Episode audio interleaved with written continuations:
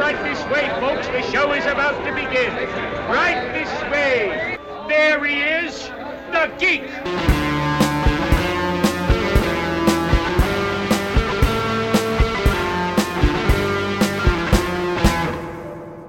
Hej och välkomna till Demonpodden.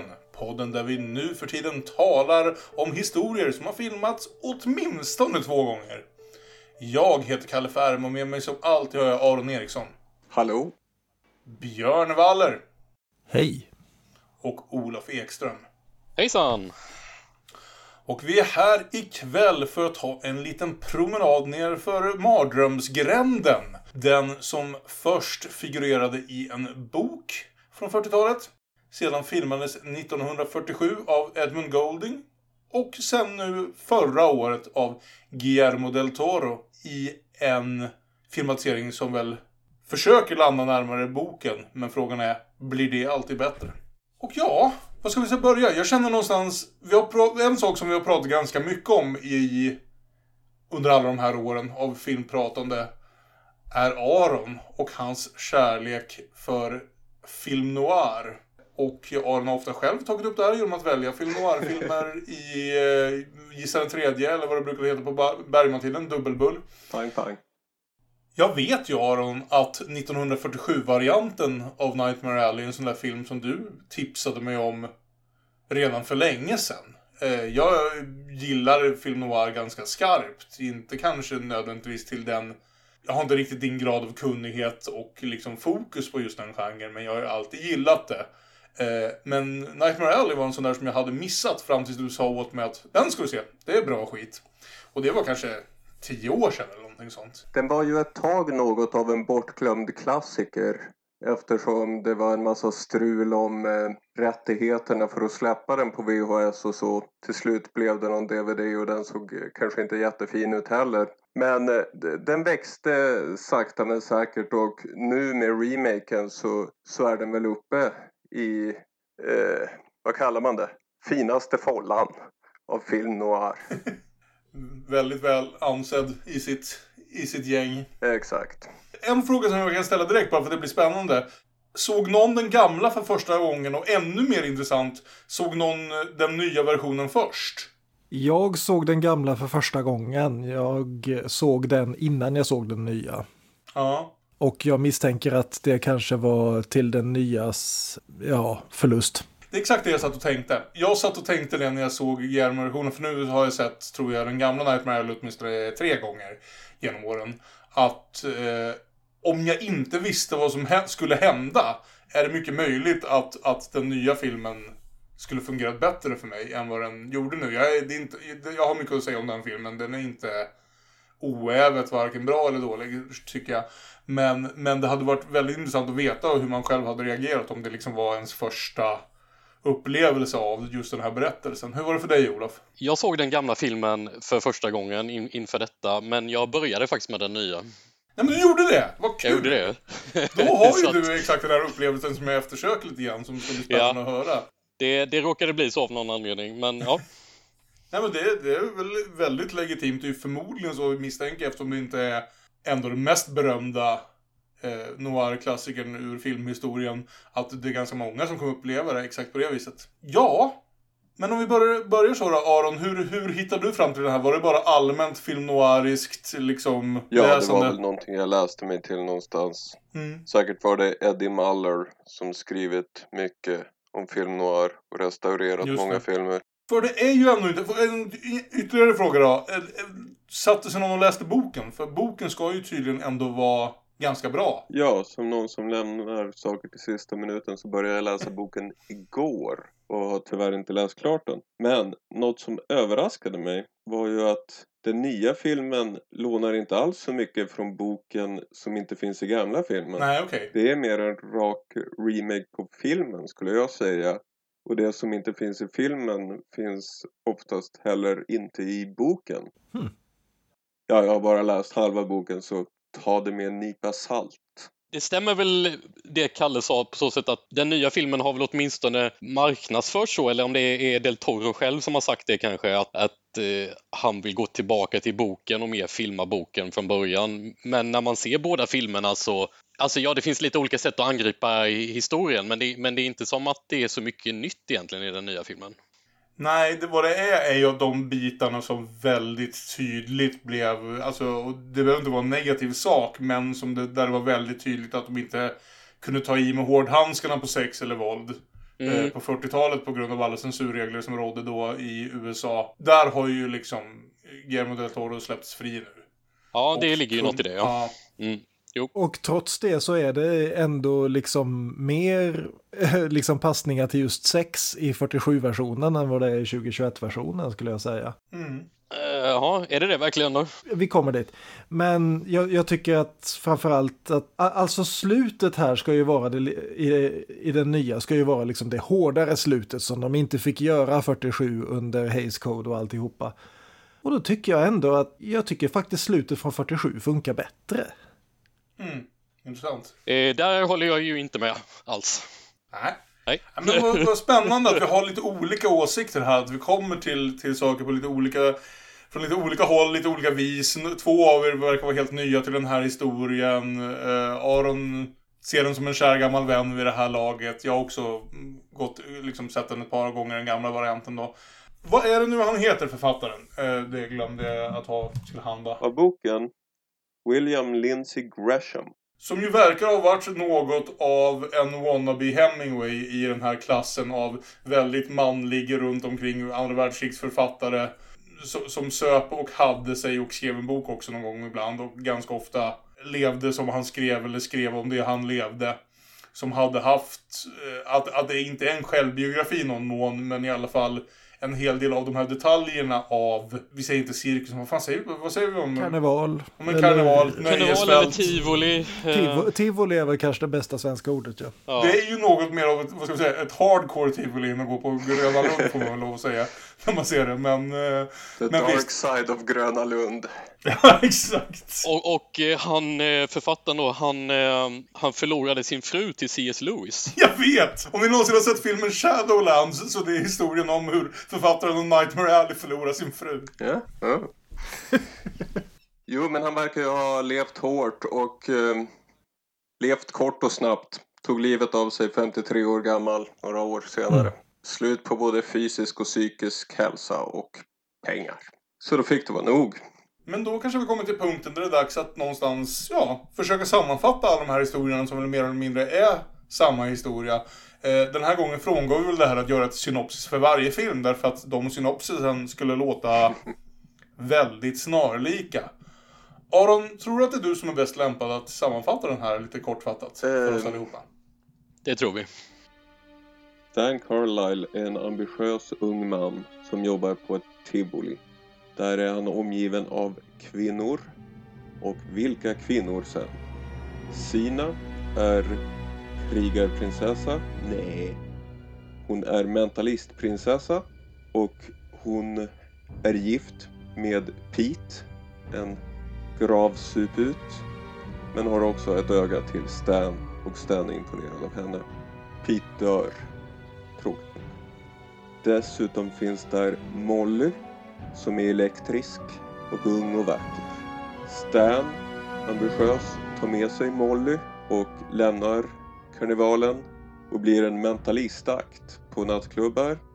Och sen för att tjäna ännu mer pengar så börjar han med spiritualism, att prata med döingar åt rika människor. Men det skulle han inte ha gjort för då hamnar han snabbt i farligt sällskap. Psykoanalytikern Lilith som han samarbetar med är extra folk. Allt rasar, han hamnar på gatan. Till slut återkommer han till tivolilivet och åtar sig rollen som Spasse. För Spasse är det svenska ordet för eller? Ja, det var väldigt omfattande. Det, det var nästan eh, min andra mamma. Eh, Känsla på den genomgången. Men då önskar vi er välkomna tillbaka nästa gång när vi pratar om...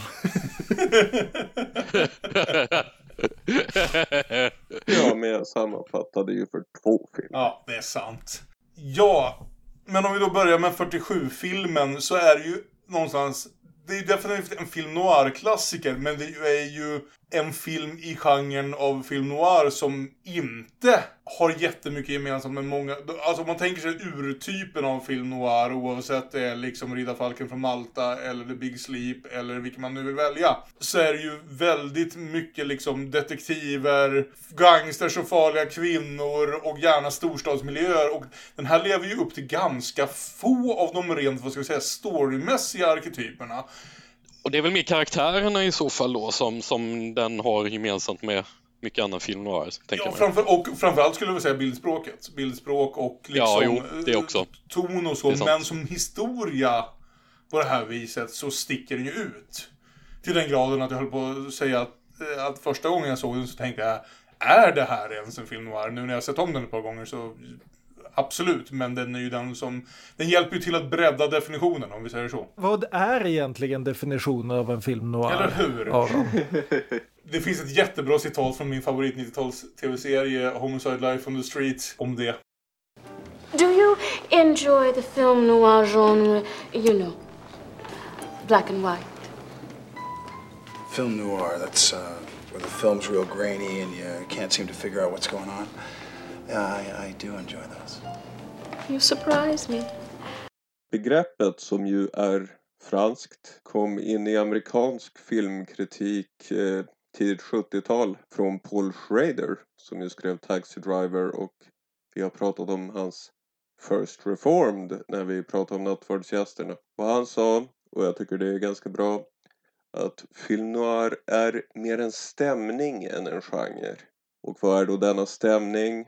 Det är lite drömskt, obehagligt, erotiskt, tvetydigt, suddigt, dystert, hopplöst, förvirrande. Och nästan uteslutande så är det ju kriminalhistorier. Det är väl inte heller så att eh, alla filmer med gangsters i är ju inte film noirs nödvändigtvis. Jag såg en film häromdagen som kändes väldigt film noir från 1950 och som inte hade en enda film noir-tagg. Och det fick man verkligen börja fundera på vart, vart den här gränsen går. Eh, jag såg, ska jag säga, för Arons del, mm. kanske No Way Out eh, från 1950, Sidney Poitier och Widmark. Linda Darnell, snyggast i hela Hollywood. Alltså, fy fan. Men inte en film noir, vad jag kunde uttyda av vad alla andra sa. den är noir. Och det är det som räddar den från att vara moralism. Så vad är en film noir då? det är ingen som vet det, men man känner igen det när man ser den. Ja, precis. Mm. Ja, lite intressant är ju att det inte är en konstnärlig kategori på något sätt utan det var en kritikerkategori. De kom i Frankrike då efter andra världskriget när de helt plötsligt fick se vad som hade hänt i Hollywood senaste åren. Så upptäckte de att de här nya kriminalfilmerna hade en ny känsla och de kallade den noir, svart, svartsynt. Ett nytt mörker. För att det är en, en svart syn på livet? Ja, döden låg som ett tjockt täcke överallt. Också en väldig tvetydighet färgade allt. Aha. just i kriminalfrågor. Den lagen kändes ganska godtycklig, ihålig och cynisk. Men samtidigt så var ju stå emot lagen var inte mycket bättre det heller. Vad var ens skillnaden? Fanns det någon skillnad? Gud är död men för den saken skulle ingenting tillåtet. Så den febriga ångesten och därtill det visuella svartvita expressionistiska var ju en viktig del av klassisk noir då. Så av eh, gangsterfilmer och annat som gjordes på 30-talet var det inte mycket som var film noir då? Är det Riddarfalken från Malta som är någonstans ändå brytpunkten? På gränsen då? Ja, man kan ju identifiera proto-noir på 30-talet då. Ja, och så, såklart att, att de alltid typ, alltså går vi tillbaka, det är ju typ när Hollywood blev, ville bli lite tyskare. Eh, som, för tittar vi på typ M eller sånt så, men vi har inte kanske hela den tiden nu. Ja, det anknyter till förra veckan, de här emigrés som gjorde Universal-skräckisar på 30-talet. var många samma som gjorde noir på 40-talet. Och sen neo-noir, sent 60-tal, in 70-tal. Och vill någon kalla Guillermo del Toros Nightmare Alley för noir så, så är det väl bara töntigt att klaga på det. Men klassiska eran är ungefär 40 till 60. Börjar med Riddarfalken från Malta, Stranger on the third floor, I wake up screaming. 40-41 slutar kanske med Touch of Evil, Odds Against Tomorrow, Blast of Silence 58, 59, 61. Eddie Mallar har en snygg sak där han menar att film noir är vad som mördas i mitten av Psycho. Det mordet är mordet på film noir. Det är ett paradigmskifte. Efter det är saker annorlunda.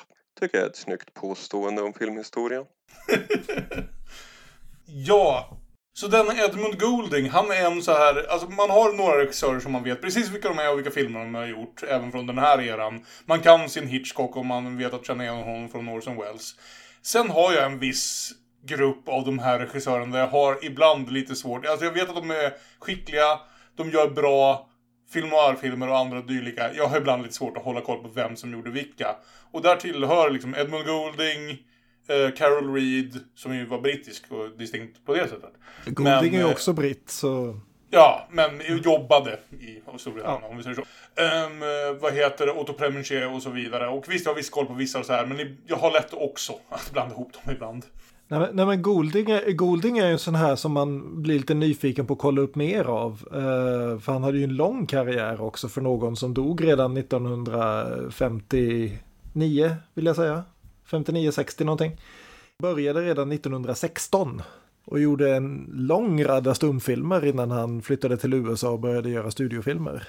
Jag läser dock att den här är väldigt otypisk för honom. Och eh, jag konstaterade dock att han hade uncredited varit ja, antagligen second unit-regissör på eh, vad heter den? Galakväll på Operan med Marxbröderna. Ja, ja, ja. Men... Och på Hells Angels han fick flyga på, vad heter han, Howard Hawks, eller inte Howard Hawks. Howard Hughes jävla flygplan på vingarna. Nämen. Eh. Bara en sån mm. sak. Men det här verkar ju ha varit Tyrone Powers film. Där han styrde upp det hela. Det var han som bestämde regissören som han just hade jobbat med och tydligen kom överens med. Så Edmund får komma och göra det. Så det är lite som när Kirk Douglas ville ha in den här konstiga typen Kubrick och regisserade Spartacus. Lite alltså. så. Mm. Nej men eh, precis, för då kommer vi ju fram till Tyrone Power. Inte en skådis som jag sett jättemycket saker men som jag är ganska imponerad av. Alltså de två rollerna som jag känner honom bäst ifrån är den här och sen typ, tror jag, sista roll tio år senare för han dog alldeles för ung. I uh, Billy Wilders Witness, Witness for the Prosecution. Lägg märke till mönstret i de vi pratar om. Alla dog alldeles för unga. Det är något av en förbannad film. Ja, alla som var med i filmen? Ja, åtminstone fyra. Ja, tillräckligt många. Uh, nej men precis, för alltså, jag vet att Tyrone Power är berömd som typ Zorro. Jag är inte säker på att jag sett just hans, hans Zorro-film. Men han var ju verkligen sån här liksom matinéidol någonstans mm. strax efter att, tillsammans med Rolf Lyn och de här. Jag har sett hans Zorro-rulle av eh, den enkla orsaken Linda Darnell är med där. Mm. Jag tycker han är väldigt bra i den här filmen. Jag tänker ibland att han är lite för gammal för rollen i sig. Men, men det är liksom nästan separat. För det är, en, det är en jävla balansgång tycker jag, att behöva spela den här rollen. Och jag tror vi kommer märka det särskilt när vi jämför det med vad som händer i det nya han ser kanske lite gubbig ut, det gör han nog. Så han, han har ju en, en look som kanske är lite för gammal. Han var ju bara drygt 30 faktiskt. Tio år yngre än vad Bradley Cooper Precis, han var 32, vilket faktiskt är yngre än vad jag trodde han var, måste jag säga när jag ser filmen. Han skulle dö redan när han var 44, direkt efter Witness for the Prosecution. Eh, så jag måste säga att jag trodde nog faktiskt, och det kanske säger något också, att han eh, var en 5-10 år äldre än det i den här filmen. Ja, och det är väl en 40-talsgrej för att alltså Bradley Cooper är väl, han är ju säkert äldre då som 40, sagt. 45 år exakt tror jag.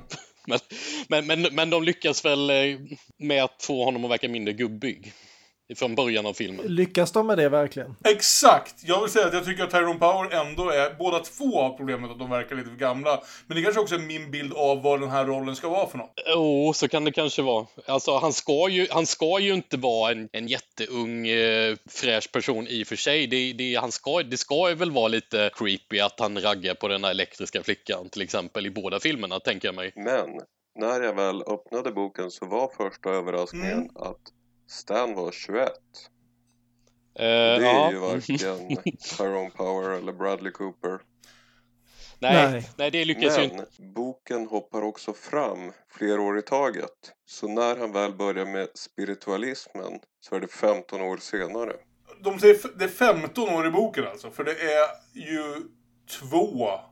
Typ två I år filmen. kanske i filmen. Ja. Eh, vilket såklart... Precis, och jag tänker Ja. det är något liknande i 47 filmer. Ja, det, jag tror de säger det där med faktiskt. Eh, Men alltså det, det löser vissa för, för jag får verkligen känslan av det att man nästan vill komma in till någon som till liksom en ung man som korrumperas lite och där, som lär sig alla de här coola tricken men sen faller för lockelsen att korrumperas av dem. Någonstans. Som är eh, lite, lite liksom tänd på det här att ha en affär med den äldre coola kvinnan som dessutom kan liksom läsa sinnen och eh, läsa tarotkort och allting. Ja, Sina tar oskulden av honom i boken på ett väldigt handfast vis. Fast det är ju inte någon av filmerna som lyckas med det då i så fall att, att, att, att man får känslan att det är en ung eh, kille som kom, kommer in och korrumperas. Alltså i båda fallen så, så är det ju ändå, Ja. man får känslan av att det är någon lite äldre, lite härjad eh, person med ganska mycket bagage. Jag tror inte någon av filmerna faktiskt försöker framställa honom som 21. Jag, jag tror framförallt Del Toros film försöker framställa honom som betydligt yngre än den lyckas med, men inte 21. Liksom Nej. Bradley Cooper ser ut som en 30-åring när han verkligen försöker och det är ungefär där han ska vara, inbillar jag mig. Ska vi gå in på själva vad som faktiskt händer i filmerna? Absolut. Vi börjar i alla fall i alla fall i 47-versionen, någonting som kommer skilja sig, med att vi möter Stan redan på det här tivolit. Redan, eh, han känner redan eh, alla som jobbar där, vilket förklarar ungefär 15 minuter av varför Del Toros film är längre, eh, eftersom de börjar innan dess. Men eh, jag tycker att den gamla Nightmare Alley, trots att det liksom är en ganska lång historia i flera akter, just därför är det ganska imponerande för att det är ett väldigt effektivt storyberättande. Inte minst det här att det här är en historia som kräver en hel uppsjö av karaktärer. Fler skulle jag vilja säga än vad som kanske var vanligt eh, f- för, för liksom filmer nästan vid den här tiden. Att vi liksom ska lära känna inte bara Stan och de här tre kvinnorna som det rör sig kring, utan fyra, fem andra personer på tivolit. Zena's going good. She sure knows how to put on an act. Sure does. Too bad she's tied up with that rum dum. Why? Well, she could grab herself a smart guy and make the big time in no time. She's already been in the big time. She and Pete used to be one of the biggest headliners in vaudeville. Not with that act. Uh-uh. Pete stayed in the audience. He never came near the stage. But how could they do that? How could he tip her off to anything? They used a code, silly.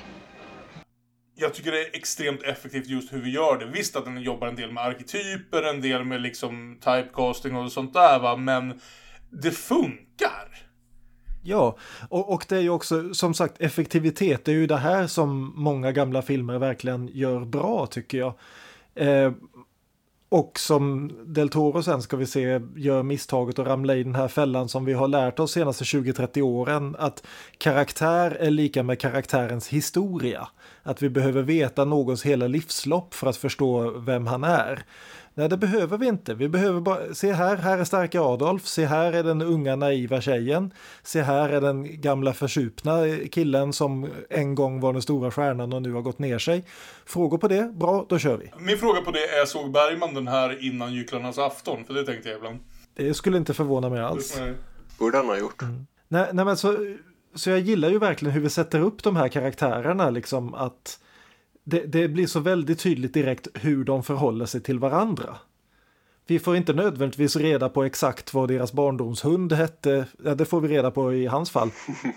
Och så vidare och så vidare. Vi får inte reda på hela deras livslopp. Men vi ser liksom direkt att ja men här har vi den här som är stark men kanske inte så där jätteintelligent men han är beskyddande av henne och hon är kär i honom och så vidare och så vidare. In, inom fem minuter så vet vi vilka alla är. Nej, jag, jag håller helt med. Det är ett helt annan form av effektivt eh, historieberättande.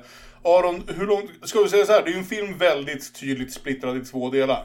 Med ett tvåårshopp eller ett, vad du nu sa, 15-årshopp då, beroende på om man är i boken eller filmen. Först ett femårshopp, sen ett tioårshopp lite senare. Okej. Det finns ju en stor karaktär, nämligen, alltså vad ska vi kalla den, Tivoli-direktören. Som i stort sett bara är högst marginell i 47-versionen och sen får en massa uppmärksamhet i Del Toro, alltså i den nya versionen. Hur är det i boken? Är den karaktären där? Och viktig? Nej, mer som i 47. Han har kanske fått en del scener bortklippta men inte mer än de andra som är kvar. Ja, jag pratade ju redan om, om vad heter det, Gycklarnas afton där. Den andra fi gamla filmen man tänker en del på när man ser första halvan av Nightmare Alley är ju Freaks. Mm. En film som i och för sig gjordes innan Hays-koden kom i effekt, vilket är väldigt tydligt när man ser Freaks. Troligtvis en ganska starkt bidragande grej till att Hays-koden var tvungen att införas. Och som ju tyvärr ledde till att Freaks klipptes ner så väldigt så att originalet inte existerar längre. Ja, men den har precis som Freaks som sagt en extremt effektivt berättande av att vi lär känna alla de här figurerna. Eh, men kanske det jag tycker att den nya versionen sumpar värst är Sina. Mm. Som är en så otroligt viktig figur för, för Stan här i början. Man kommer in, man får nästan, och absolut liksom hennes lärjunge. Eh, Secret Lover. Eh, och, eh, och, och, eh, och bra, bara på intonationen tog du skämtet. Det, hon får inget utrymme alls. De har fan fått Tony Collette att spela henne i den nya och hon, där får, så får hon inget utrymme. Men här, jag vet inte om det är det sista bra hon någonsin gör, men det är en sen stark roll för Joan Blondell som ju var en av de stora eh, musikalstjärnorna under det tidiga liksom, 30-talet alldeles fantastiskt rolig i många av, av liksom tidiga Hollywood-komedier, tal, talkomedier. Och som sen, som många kvinnor fann det svårare och svårare att hitta bra roller ju äldre hon blev. Så att hon får en så här pass ändå relativt sen, väl, alltså jag tycker hon är jävligt bra i den här rollen. We gotta watch ourselves on account of... Sure. Hurt him enough already. I thought it was the other way around. No, Pete was all right till, till they picked me up. What happened? Exactly what's happening now. I'm about as reliable as a $2 cornet. Well, you're crazy. You've got a heart as big... Sure, as big as an artichoke. A leaf for everyone. That's what Pete said when he began hitting the bottle. Genomgående tycker jag att båda de här filmerna har väldigt bra casting med möjligt undantag för Brad Cooper, vi kommer dit. Men i den nya filmen då, Sina, är det hela eh, karaktären du tänker eller är det... Jag tänkte snabbt hon är där! För, för, för, för en, so en, sak som jag kanske, om jag skulle invända mot någonting just när det gäller Sina i den nya versionen så är det kanske hur, hur de skildrar hennes förhållande till Stan just. Att det är, det är, det är intressantare i den gamla filmen, hur, hur, den, just deras relation och vad det betyder för för Stans fortsatta resa. Det är lite oklarare i den nya. Jag, jag, tycker att, och nu kommer vi, alltså som sagt, vi kommer jag, det här att... Jag tror vi får köra helt enkelt att vi pratar om bägge filmerna samtidigt. För de, de följer ju mer eller mindre exakt samma Jag tror det med, jag börjar inse det. Mitt bekymmer är att Sina är central och jag tycker hon ska kännas central för Stan i den gamla filmen och i den nya är hon högst marginell. Ja. För det känns där som att Stan hade typ kunnat haft det här förhållandet till Pete med eller utan henne nästan. Ja. Precis, det var väl det jag menade just för, just för Stan. Alltså det är inte som att Sina får, tar ju ändå fysisk plats i den nya filmen. Sina är knappt i den nya filmen tycker jag. Jag tycker det är en otroligt slöseri Jo, men det tycker jag väl ändå att hon är. Men jag, men jag tycker att det är... Jag, men jag håller ändå med om att det saknas någonting i relationen till Stan som huvudpersonen. Så bara ta den här scenen till exempel. Om vi snabbspolar lite grann genom handlingen här så är det alltså att Eh, Stan får lära sig att Zina och Pete en gång var liksom en sån här stor dubbelakt tack vare att de hade utarbetat en kod som gör att Pete kunde binda för sig ögonen och så kunde Zina hålla upp föremål i publiken och, och ställa honom frågor och han kunde besvara dem exakt med förbundna ögon utifrån vissa kodord och så vidare. Men nu är Pete så väldigt försupen så att det går inte längre utan Zina mer eller mindre behåller honom som assistent av kärlek och medlidande. Och lite skuldkänslor. Ja, precis. Och Stan i originalet råkar och i nyinspelningen väldigt tveksamt om han råkar eller gör det frivilligt eh, ge Pete en flaska träsprit istället för den vanliga hembrända och Pete dricker ihjäl sig. Och, och den scenen som Joan Blondell får här där hon liksom fullständigt bryter ihop. Då har hon redan vänstrat med Stan och antytt att hon egentligen bara vill dumpa Pete på torken någonstans så att hon och Stan kan dra iväg och bli en ny dubbelakt. Och det kan hon inte efter det här därför att det här stoppar henne för hon älskar honom ändå. Att den scenen känns så mycket verkligare i 47-versionen än vad den... Ja, den- scenen får inte ens existera när Tony Collette hade kunnat leverera den. Eh, två saker. Först, jag håller helt med om att Tony Collette är bortslösad och sina karaktären lika så. Och scenen där, eh, där hon ger Stan ett handtag när han tar sitt bad, det är bara en dålig scen.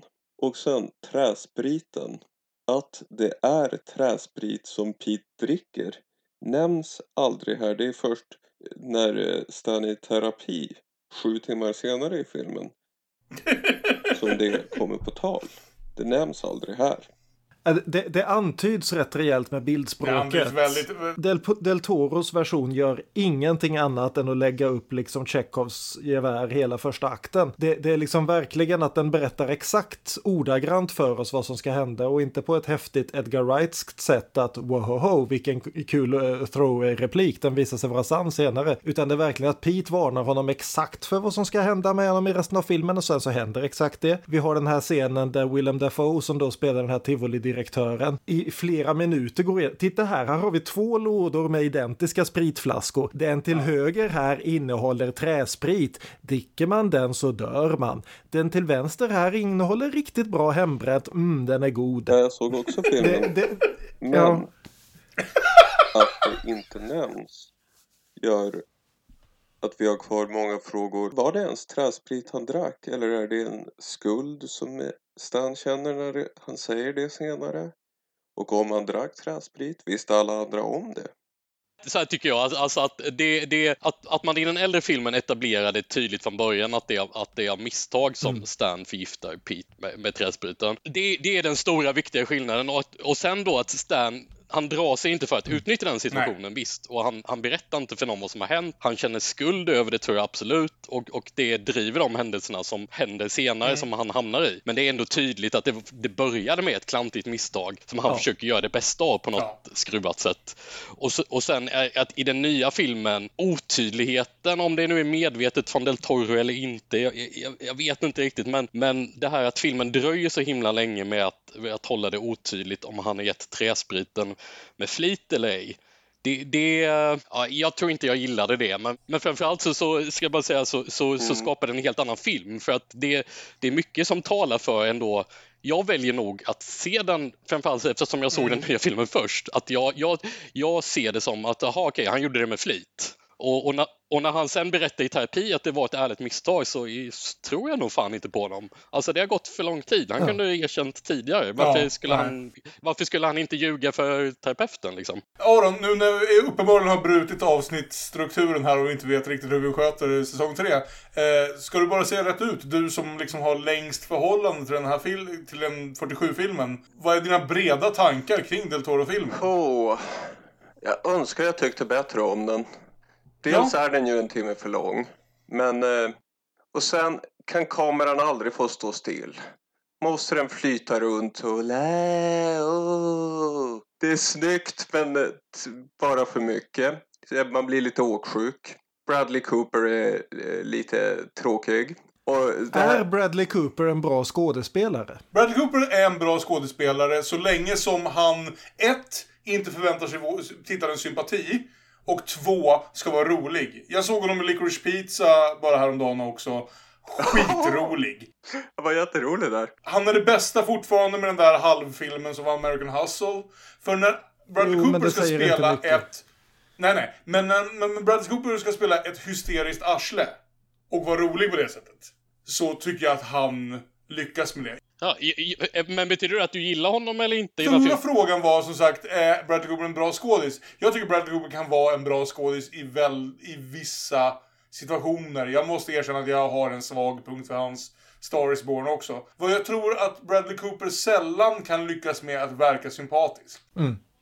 Mm. Nej, men jag gillade Bradley Cooper rätt bra i den här filmen. Jag tycker inte att det är han som är... Jag tycker inte han är något problem, mestadels inte i alla fall i den nya versionen. Jag tycker han gör den rollen bra. Jag ska säga exakt vad jag, min, min breda synopsis av den här filmen är att den första timmen på Tivolit är Guillermo del Toro så intresserad av alla detaljer och hur snyggt Tivolit är och sådär. Och sen används det aldrig. Nej, så den, ser, den delen blir skitlångdragen. När det sen blir en mer fokuserad noir i andra halvan. Så är jag mer på spåret. Det är ändå inte lika bra som den första var. Men i stort sett kan jag väl säga att jag var förvirrad under den första halvan och lite mer hookad under den andra halvan. Mm. Nej, jag tycker inte Bradley Cooper är så oerhört karismatisk som, eh, som Stan Carlyle måste vara. Nej. Och eh, det är också ett ambitiöst porträtt. Han testar ungefär 12 olika dialekter, vilket är rätt för karaktären. Men han lyckas inte med, eh, ja, hälften kan vi generöst säga att han lyckas med. Så jag tycker inte att han är usel på något vis, men bara så snygg är han inte. Och, och, och det är ju också det här just med att han är ett arsle och inte ens ett roligt arsle egentligen. Förutom några enstaka gånger. Det är ju det här att e- en sak som jag tycker Del Toro verkligen sumpar, det är just det här med backstoryn. I, I Del Toros version så har han en backstory att hans pappa var försupen och han hade väl en styvfar som förgrep sig på honom och vi får liksom antytt i flashbacks att han dödade sin far och begravde honom och brände ner huset och allt det här. Medan i 47-versionen, vad, vad är hans backstory? Jo, nej, men han blev föräldralös tidigt, han har varit ut och in på, för, på olika hem och så vidare och alltid fått veta att han inte duger till någonting och nu vill han bevisa någonting. Det där är relaterbart. Framförallt 1947 när folk har gått igenom depressionen och världskrig på några år. Han blir en karaktär som vilket stort arsle han än är så är han ett arsle som publiken kan relatera till. Medan Del Toro slår direkt från början fast att han är, om inte en mördare, så i alla fall en ganska otrevlig typ. Och sen förväntas vi följa honom och vara fascinerade av honom. Och han är Exakt. inte speciellt fascinerande. Nej, det, nej, jag är den helt den med stora scenen som säljer karaktären egentligen, det är just den här som, som kommer när polisen ska raida den här tivolit. Och han kliver in och Sherlock-skannar sheriffen och lyckas med liksom några små detaljer plocka upp och göra en sån här stock reading att Now, it's clear to me, for example, that you are a man who is generally distrustful but also fiercely loyal. I'd say that's fair description. Jaha, du saknar din mamma. Ja, herregud, han är 50 bast, hans mamma är död. Det är klart han saknar sin mamma. E- Etc, etc. Verkligen lyckas vända det här. Och det är ju där han kliver från att vara en nolla till att vara hela Tivolits hjälte, så att säga. Mm. Och det, det gör bägge skådisarna jättebra. Det är en kanonscen i bägge. Men det blir mycket lättare att följa med Tyrone Power där. Därför att han har redan från början visat sig vara en ganska relaterbar person, om än inte en trevlig en. Nej men exakt. Tyrone Power verkar som en person som jag förstår att han är kompis med hela tivolit. Eh, jag, eh, oavsett om man- vad det är han känner och tänker liksom bakom scenerna, vad hans eh, eventuella planer är, förstår jag att han på något sätt har hittat någon form av liksom kompisgäng här. Han känner alla, han säger hej till alla, han dunkar folk i ryggen. Han verkar allmänt trivsam, i alla fall på ytan. Bradley Cooper kommer in är så jävla liksom motvallskärring direkt från början att man undrar hur han någonsin hittar sin plats i det här annat än för att han är snygg och kan jobba liksom. Sen har jag också väldigt mycket svårare att köpa Rooney Mara som naiv nykomling än vad jag har hon som spelar henne i 47-filmen. Colleen Gray. Just det. Värt att nämna om Colleen Gray är att jag har hennes autograf. Oj! Oh! Jag bara köpte, eh, ja det var Eddie Mullers bok Dark City Dames, tror jag den heter. Porträtt av eh, sex eh, noir leading ladies.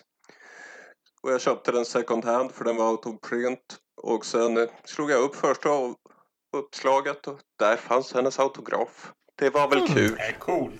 Men jag håller med Björn på de punkterna. Absolut. Rooney Mara är ju, alltså jag gillar Rooney Mara och det är ju, det är, de har ju aldrig en scen ihop men det är ju en Carol reunion det här.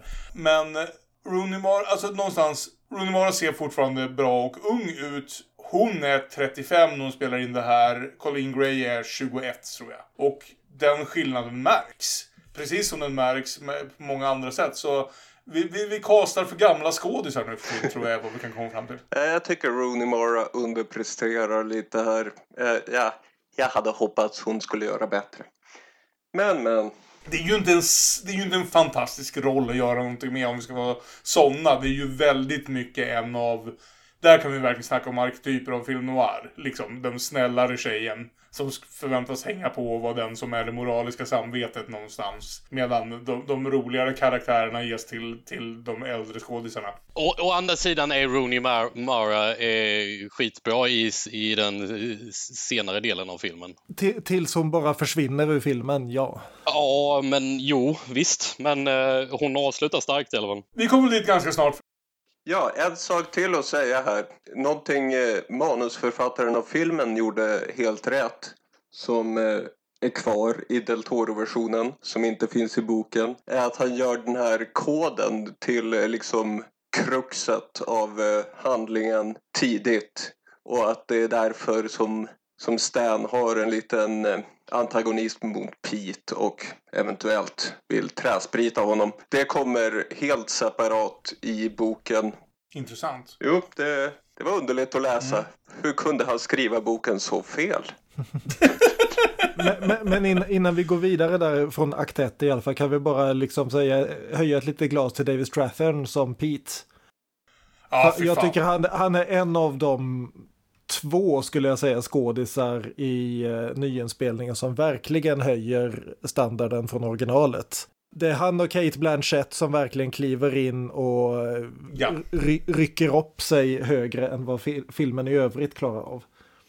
Säga vad man vill om liksom Guillermo del Toro och... Eh, vi har inte pratat... Nu, vi har vänt, trodde vi skulle vänta till andra halvan med det. Guillermo har ju en jävla talang för att få in birollskådisar. Även om man ibland behöver dras med, med stora stjärnor som kanske inte var till liksom, hans fördel. Hej hej Wesley Snipes. Eh, så har han alltid haft ett, en jävla hand med birollskådisar och nästan byggt upp ett sånt här liksom birollsstall. Eh, så eh, varenda person som är i den här filmen som inte är en av de tre huvudrollerna i stort sett är ju bara kul att se. Det är en sån här person som jag blir glad att se. Åh, är du i den här filmen? Och menar, sånt kan han. Det skapar ju ett liv i det. Sen att Ron Perlman är så liksom gravt underanvänd. Mm.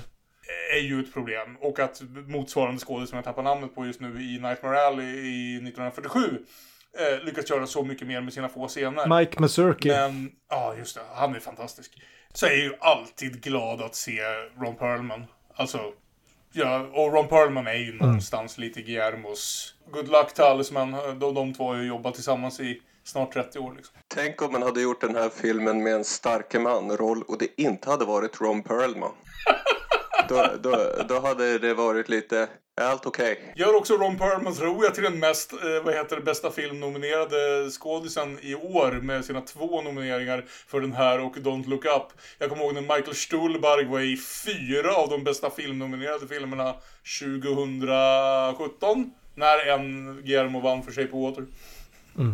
Eh, ja, vi går vidare. Är vi i andra halvan nu eller? För de flyttar iväg från tivolit. Eh, jag hade kanske velat uppehålla mig lite mer vid Eh, vad hette det nu, The Geek på svenska? Spassen! Ja, det, det, det kan, vi kanske ska säga något om det, ja, för det, det får ju... Eh, det är ju det är någonting som följer med oss eh, senare. Och så. kanske den tydligaste delen där man märker att, ska vi säga, Hollywoods censurlagar 1947 kommer in i spel. Ja, men jag, jag kan säga någonting om det då. Att, att på, på de här gamla karnevalerna, tivolierna, som, som hade sådana här sideshows som vi, som vi ser ännu tydligare då i Freaks, som vi pratar om, med, eh, som, som hade ja, missbildade bildade djur men också så här, kvinnor med skägg och, och, män med många tatueringar och annat roligt. Så var det väl också en, eh, en grej att man ibland hade en geek som Aron påstår kallas på svenska. Vad var det sa du?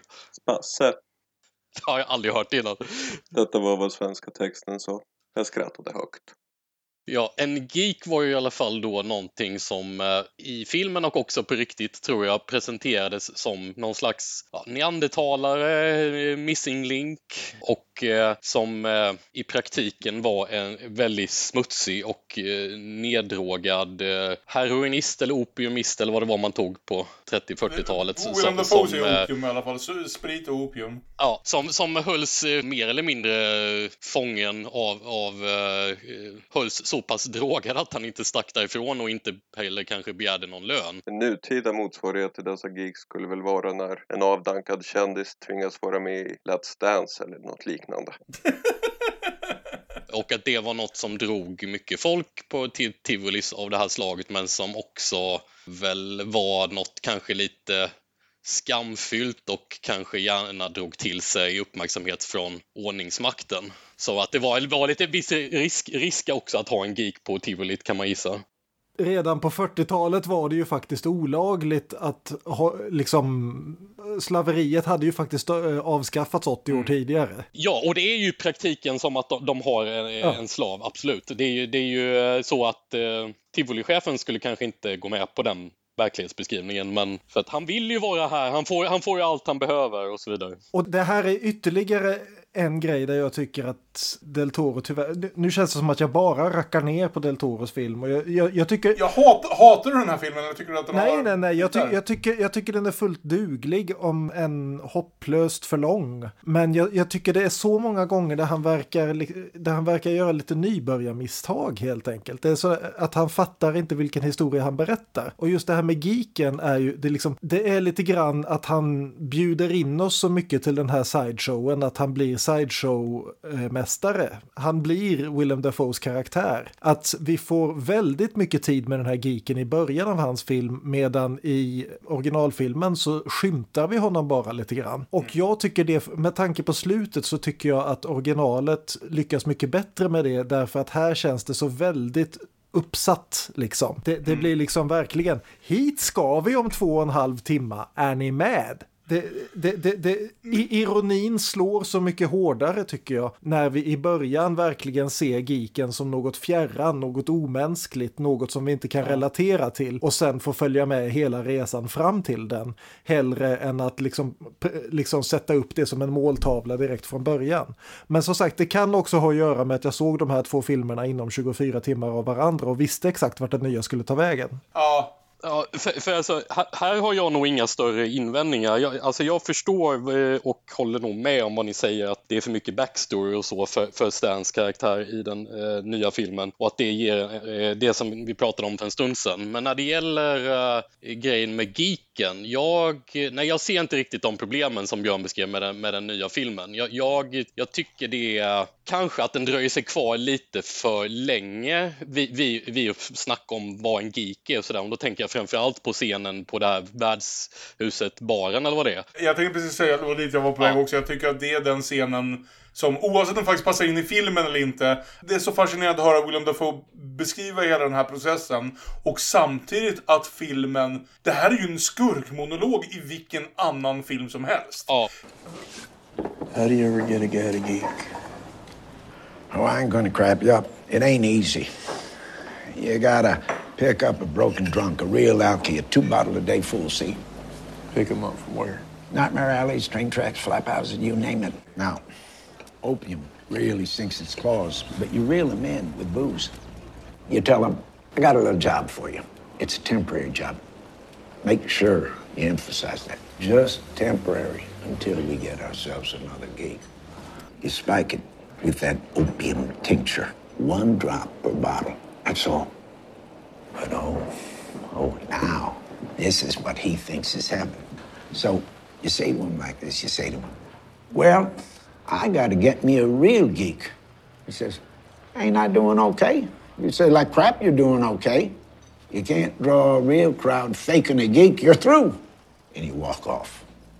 Now, that night, all the while you're talking, he's thinking about sobering up, getting the crawling shakes, the screaming, the terrors.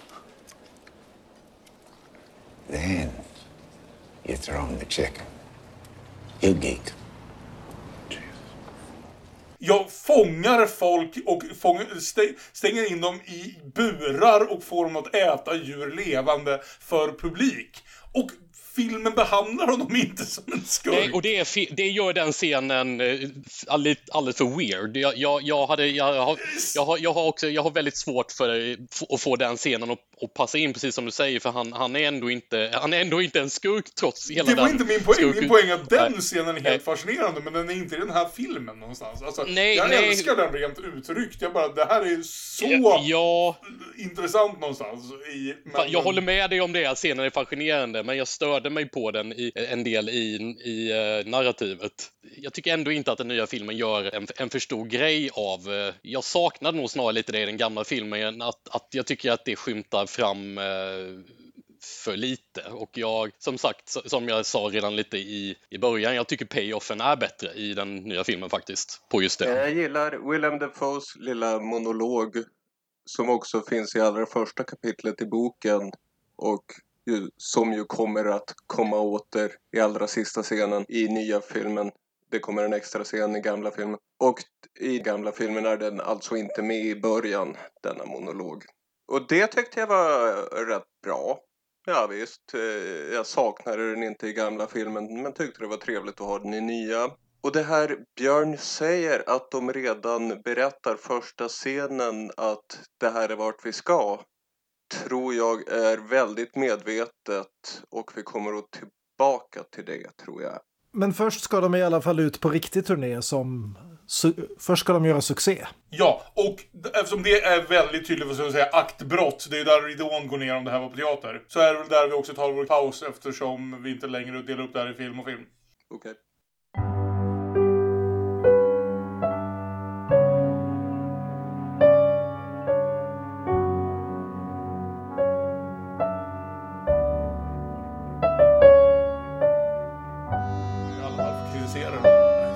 Apropå att bli kritiserad så höll inte Lotta med om att Bradley Cooper var okarismatisk. Men det höll ju inte jag heller med om å andra sidan. Så. Jag är inte säker på att jag tycker han är okarismatisk, jag tycker han är osympatisk. Jag tycker han ger precis det här skenet av, du vet, det här som oftast är Tom Cruise-problemet med vissa undantag, men att uh, the shit eating grin och uh, allting att Ja men han är en jävla lallare liksom. Han är någon som kommer in i rummet för att bli älskad av alla. Det är en jävla yuppie-känsla. Har, har, vi börjat igen eller är det här Jag bara, vet inte, liksom... jag tror vi gjorde det. Ja, jag gissar det. Jag tror Aron drog igång Jag tror vi började igen. Uh, men, men eh, är Tyrone Power så himla sympatisk då? Alltså... Tyrone Power, vi missade det ögonblicket nu. Tyrone Power har den här stunden när han helt plötsligt kommer på sig själv och säger att jag inser att jag nog aldrig har brytt mig om någon annan än mig själv. Och det är som att han får det som Mm. en insikt. You know, What? I wonder why I'm like that. Like what? I'm never thinking about anybody except myself. Did your folks drop you on your head or something? Yeah, they dropped me all right. Alltså Stan Carlisle i Ja, hans naturligtvis version. inte. Ty- naturligtvis, men Tyrone Powers version av Stan Carlisle. När hände det då? Eh, Den har det- tidigt. Det är ganska tidigt när man inser, så att han, han ger ju bokstavligt talat en varning om sin egen sociopatism. Eh, så, som inte finns där. Men, men jag ser, det är som att Tyrone Power blir förvånad över sig själv när han sjunker längre ner i den här gyttjan. Han liksom trodde inte att han var personen som gjorde sånt här och sen upptäcker han att han kan göra sånt här. Medan med Bradley Cooper känns det planerat. Någonstans. Och jag gillar, nu när vi, om vi börjar andra halvan. Jag gillar Bradley Cooper i andra halvan. För nu är han mer inne i en roll där han passar nu när han har skaffat sig den stiliga mustaschen. Och nu är han helt enkelt liksom the hustler. Det här har vi ju sett förut i andra filmer. Och här är han mer liksom lite i, i, i, på en plats där han trivs. När han ska vara en skitstövel och en karismatisk skitstövel, då fattar jag Bradley Cooper någonstans. Mm. Jag tycker inte alls han funkar i första halvan av filmen. Andra, filmen, andra halvan klickar han lite mer för mig. Men, men framförallt tycker jag att det här enorma fokusen, liksom just att Del Toro är för bra på första halvan. Han, han trivs för mycket på det här tivolit. Och han trivs väldigt bra i andra halvan också, men han trivs så bra i tivolit att vi saknar det direkt när vi sticker iväg till den andra halvan. Det blir ingen naturlig övergång, det blir som om vi plötsligt klippt mellan två helt olika filmer och som bara råkar ha samma skådisar i sig. Helt ärligt dock, det ty- problemet tycker jag att första filmen har också i sådana fall. Absolut, det har den, men det blir ännu värre just i och med att Del Toro är så förälskad i alla detaljer. För han, det, är liksom, det är ju det filmen gör så väldigt bra också i första halvan tycker jag. Just att vi får verkligen njuta av varenda liten detalj på det här tivolit. Eh, vi får liksom alla de här små karaktärerna som kanske inte får det utrymme de behöver men som spelas av fantastiska skådespelare allesammans. Och sen plötsligt så bara släpper vi det och går vidare till något helt annat. Första filmen har absolut samma problem men i och med att den är kortare, i och med att den är tar det lite mer översiktligt så blir det inte fullt så illa. Det känns inte som om vi rycks upp på samma sätt och planteras ner i den här i och för sig fantastiskt designade art deco-drömmen som vi hamnar i andra halvan här. Ibland känns det som att det är här historien börjar och att det som har hänt förut var en väldigt, väldigt, väldigt lång prolog. Eh, inom, i någon bemärkelse. Va? För det är ju här vi faktiskt får en handling till synes liksom. Mm. Men jag måste säga att som nästan, man skulle nästan kunna skära bort den första timmen i någon bemärkelse eller ha det så här och jag tycker det här ändå blir en väldigt fungerande Guillermo del Toro Noir. Fortfarande föredrar jag 40-talsfilmen framför del Toro-versionen. Men jag tycker att eh, andra halvan här av del Toros variant funkar väldigt mycket bättre och framförallt har ett driv för att äntligen finns det ett narrativ, det finns en handling, det finns sådär som gör att eh, jag, jag började gilla Del Toros film först i andra halvan för det var först där jag fick grepp om den. Får ett driv, det tar, det tar den längre att komma dit tycker jag, men mm. när den väl får det så får den mycket bättre driv än vad eh, originalet hade, absolut. För, för Björn, för vi blev lite förvirrade här nu i vår struktur eftersom vi ändrade den on the fly så att säga. Det låter som att du verkligen gillade 47-versionen, för du har ju annars ibland haft lite större problem med Noir än jag och eh, Aron. Jag vet inte om jag någonsin har så mycket problem med noir egentligen som att jag tycker att jag aldrig satt mig in i genren så där väldigt mycket och en del av det jag har sett har känts liksom i eh, efterhand så här lite väl mycket att wow, vi har en stil, vi har inte så mycket substans. Nu när jag mm. ser de här två filmerna back to back så blir det liksom att där, där lider Del Toro mer av det problemet. Jag, jag kan ge, verkligen gilla en bra noir, jag har bara liksom aldrig, det, det, det, för mig är det, det, det är inte som, herregud, det är inte lika påhittig genre som till exempel slasherfilmen. så, så jag har inget direkt emot noir-filmer, det har jag aldrig haft. Men jag tycker, jag ska inte säga att jag tycker att den här är en av de bästa 40-talsfilmer jag sett, men jag tycker väldigt mycket om den. Ja. Och just delvis därför att då är den ändå, för att vara en 40-talsfilm, är den ganska lång. Den är väl då 1.53 eller någonting sånt. Ja, ja. Eh, så det, det, är ju inte så att eh, den här är någon liksom mager 96 minuters film eller 72 minuters film. Men jag tycker ändå liksom att det finns en det finns en ark rakt igenom den som jag tycker blir väldigt mycket luddigare och väldigt mycket mer upphuggen i uh, remaken. Just i och med att den lägger på 40 minuter som inte nödvändigtvis tillför något. Förutom en massa snygga visuella grejer. Och den som dyker upp här då som är Miss Kate Blanchett. Herregud, Kate Blanchett, det hade man kanske nästan anat sig till, men född att spela eh, vad heter Fan Fatales och 40-talsskådisar som vi vet efter att hon spelade Catherine Hepburn också. Mm. Det är som att hon har varit i fel århundrade till, fram tills nu. Helt plötsligt ser vi henne där hon skulle ha varit, där hon faktiskt borde ha varit liksom hela tiden. Hon är ju som skapt för det här liksom. Ja, jag tycker ju Joan Blondell är eh, överlägsen Tony Collette. Uh, Colin Gray är bättre än Rooney Mara. Men här, i tredje mm. ronden, så vinner moderniteten. Ja. Helen Walker är inte så jättebra egentligen.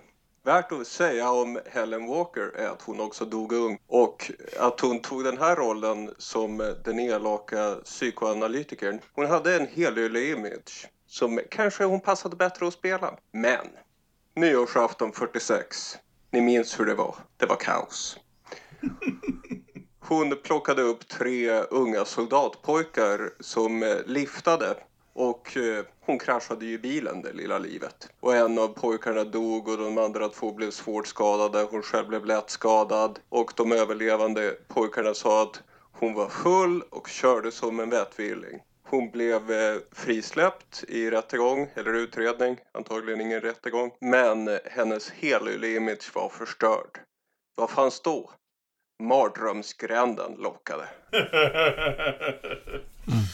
Ja, det är en intressant historia. Jag tycker inte, jag har inget emot henne i originalfilmen. Jag tycker hon, jag har aldrig liksom, jag har aldrig när jag har sett gamla Nightmare Alley tidigare har inte jag tänkt på henne på, som att på något sätt göra en vek insats. Vad det är att här ser man ju vilket utrymme som finns för att göra något ytterligare när liksom vadå, en av världens fem bästa engelskspråkiga aktriser tar tag i den. Ja.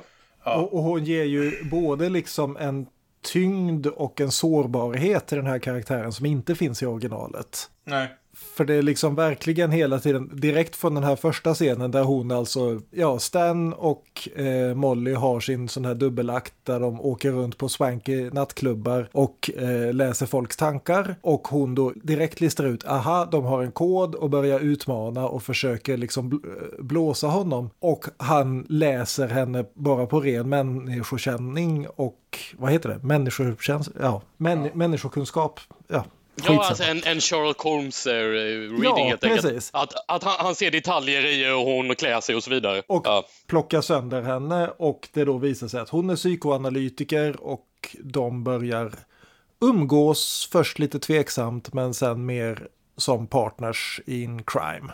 Och jag har en fråga, här kommer vi in på en viktig fråga som jag tycker är en viktig skillnad. Dels är det intressant för, som många har påpekat, det här är den första Guillermo, Gu- Guillermo del Toro-filmen någonsin utan övernaturliga inslag.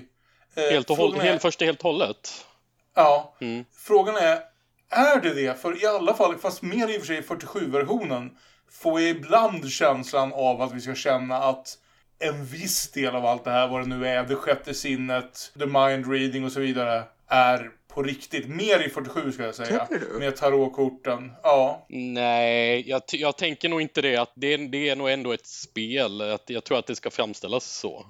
Tarotkorten är ju för övrigt helt, helt bortklippta i remaken vilket gör den här scenen där eh, Tivoli-gänget dyker upp på deras hotellrum helt meningslös.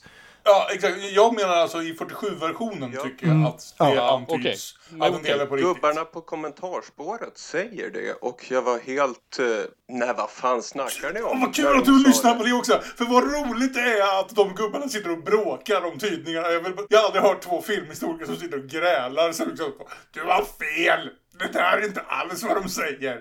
Det sitter två sura gubbar på ett kommentarspår och gnäller på varandra. Ja, de sitter och gnäller på varandra på Out of the Past eh, kommentarspåret också. De verkar vara riktigt goda vänner. och eh, riktigt sura gubbar. Demonpodden om 30 år. Tillbaka till Kate Blanchett om jag får säga något om vad hon gör. Eh, vi pratade lite om tidigare eh, att Guillermo del Toro ibland frestas då att ha lite för mycket backstory till exempel för Bradley Coopers Stan. Men jag tänker just det intressanta med, med Kate Blanchett är ju att hon eh, verkligen inte får det och otroligt spännande hon blir av att hon, det antyds så himla mycket saker om henne men Mm. det, det får vi bara sitta och gissa. Det, och det, det är en jävla åktur. Absolut. Ja, nej, nej men det är ju det, det är så här film har fungerat fram till slutet av 90-talet. Liksom att vi får veta vem karaktären är, inte var hen har varit. Mm. Det, det är inte samma sak. Och, och det, det, tycker, det tycker jag Del Toro gör så väldigt bra med eh, Blanchetts karaktär. Så jag förstår inte varför han envisas med liksom all den här backstoryn eh, som bara fjärmar Bradley Coopers karaktär från oss istället för att bara klippa den och köra på liksom det som originalet ger honom.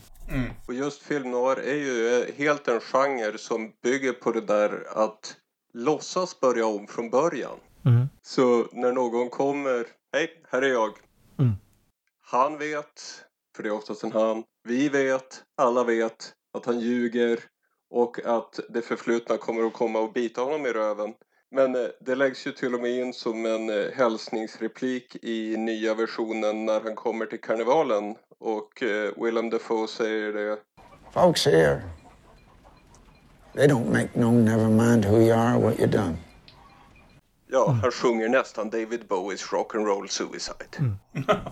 Apropå folk som ljuger, vad säger vi om det här? Att i originalet är det väldigt, väldigt mycket prat om religion och inte nödvändigtvis på ett helt okritiskt sätt. Att den, fra- Mm. den framställer hela tiden, de, oavsett om det är de här lantisarna på tivolit eller om det är smoking-crowden på nattklubbarna, så pratar både Stan och alla runt omkring honom pratar hela tiden om det här som en gåva från Gud och att få liksom budskap från Mm. det allsmäktiga och så vidare. Men den biten är inte helt bortklippt, men den är väldigt nedtonad i, i remaken till förmån för just det här personliga traumat. Det är hans personliga trauma, det är den här mafiosins personliga trauma som, är, blir, de, som blir de liksom drivande sakerna där.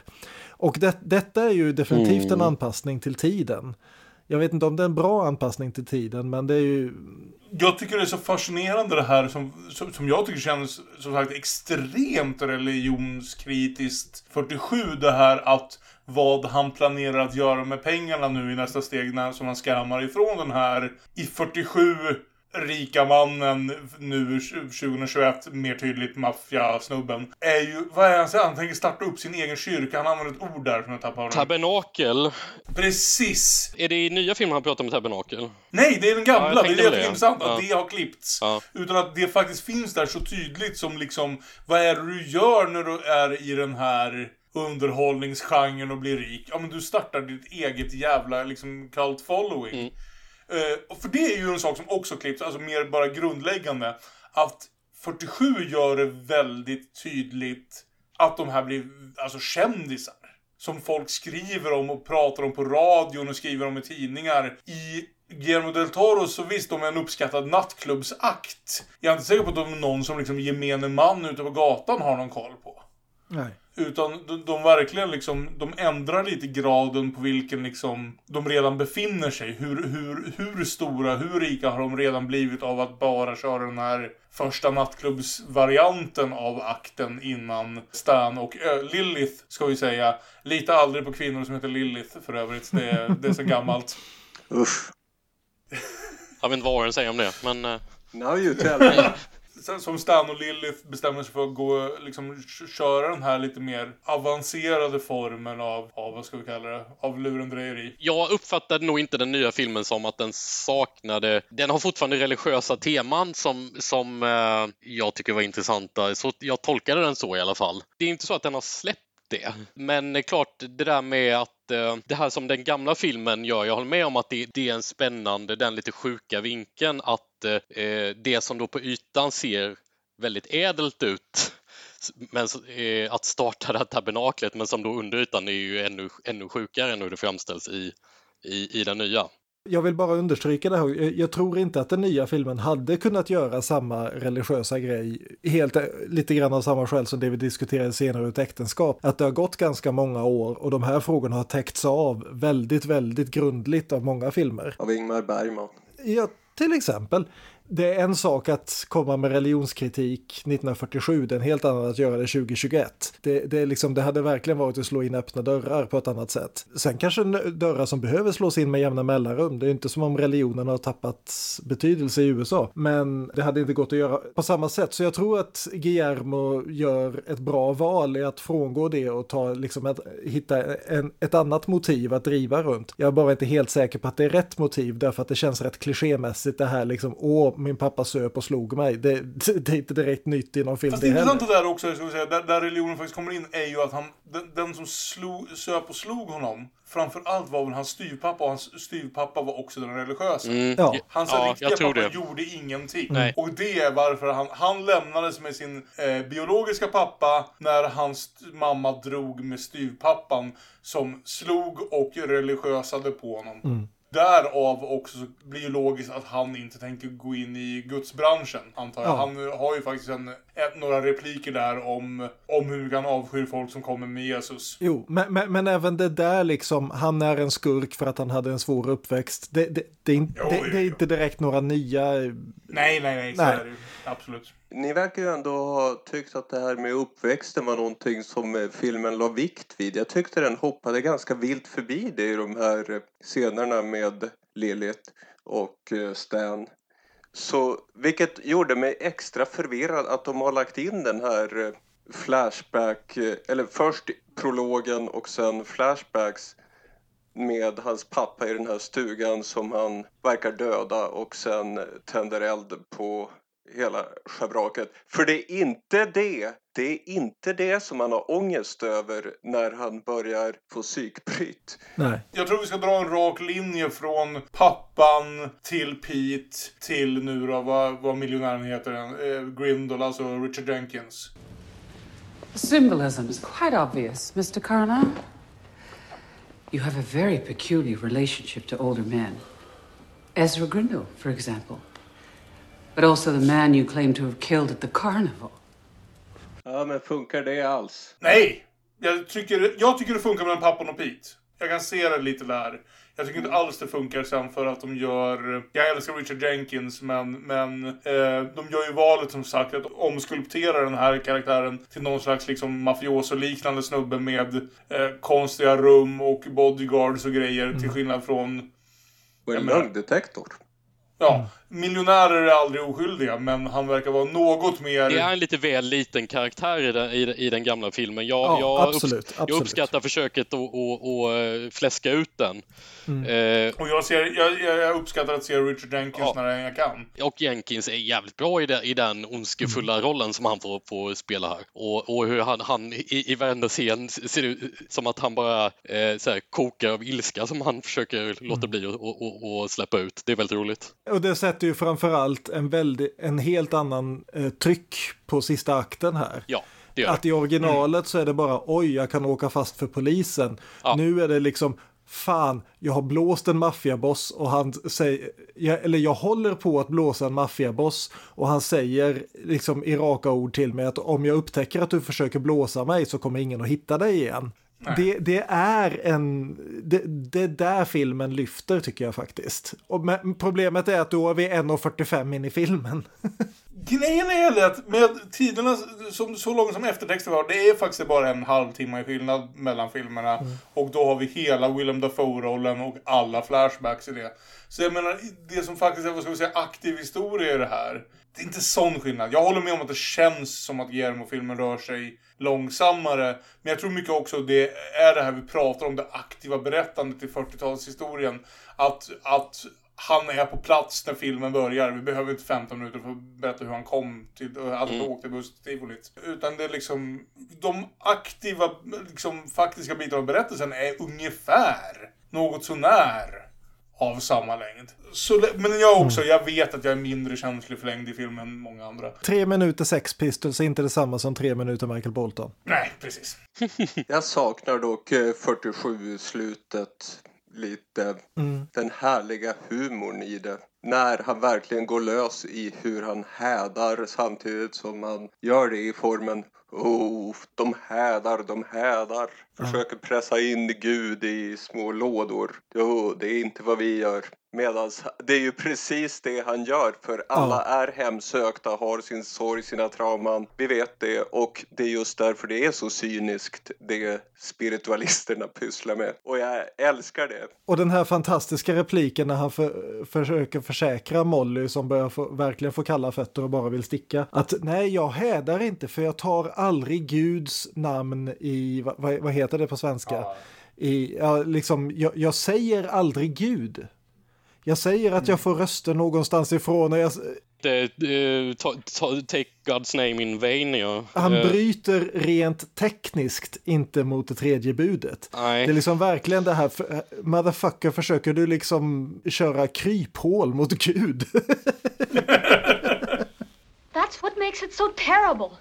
Everything you say and do is so true and wonderful, and you make it sound so sacred and holy.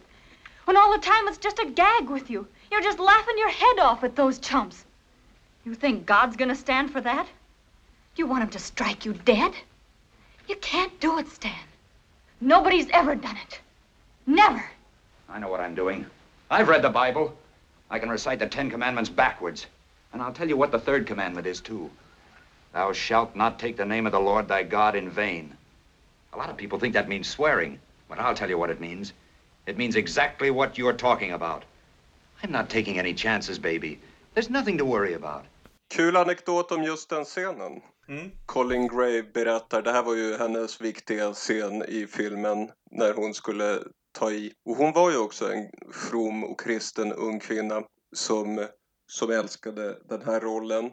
Och det här var ju scenen när hon tog i ända från tårna. Och eh, efter några tagningar när hon verkligen hade spelat ut så Golding tog henne åt sidan.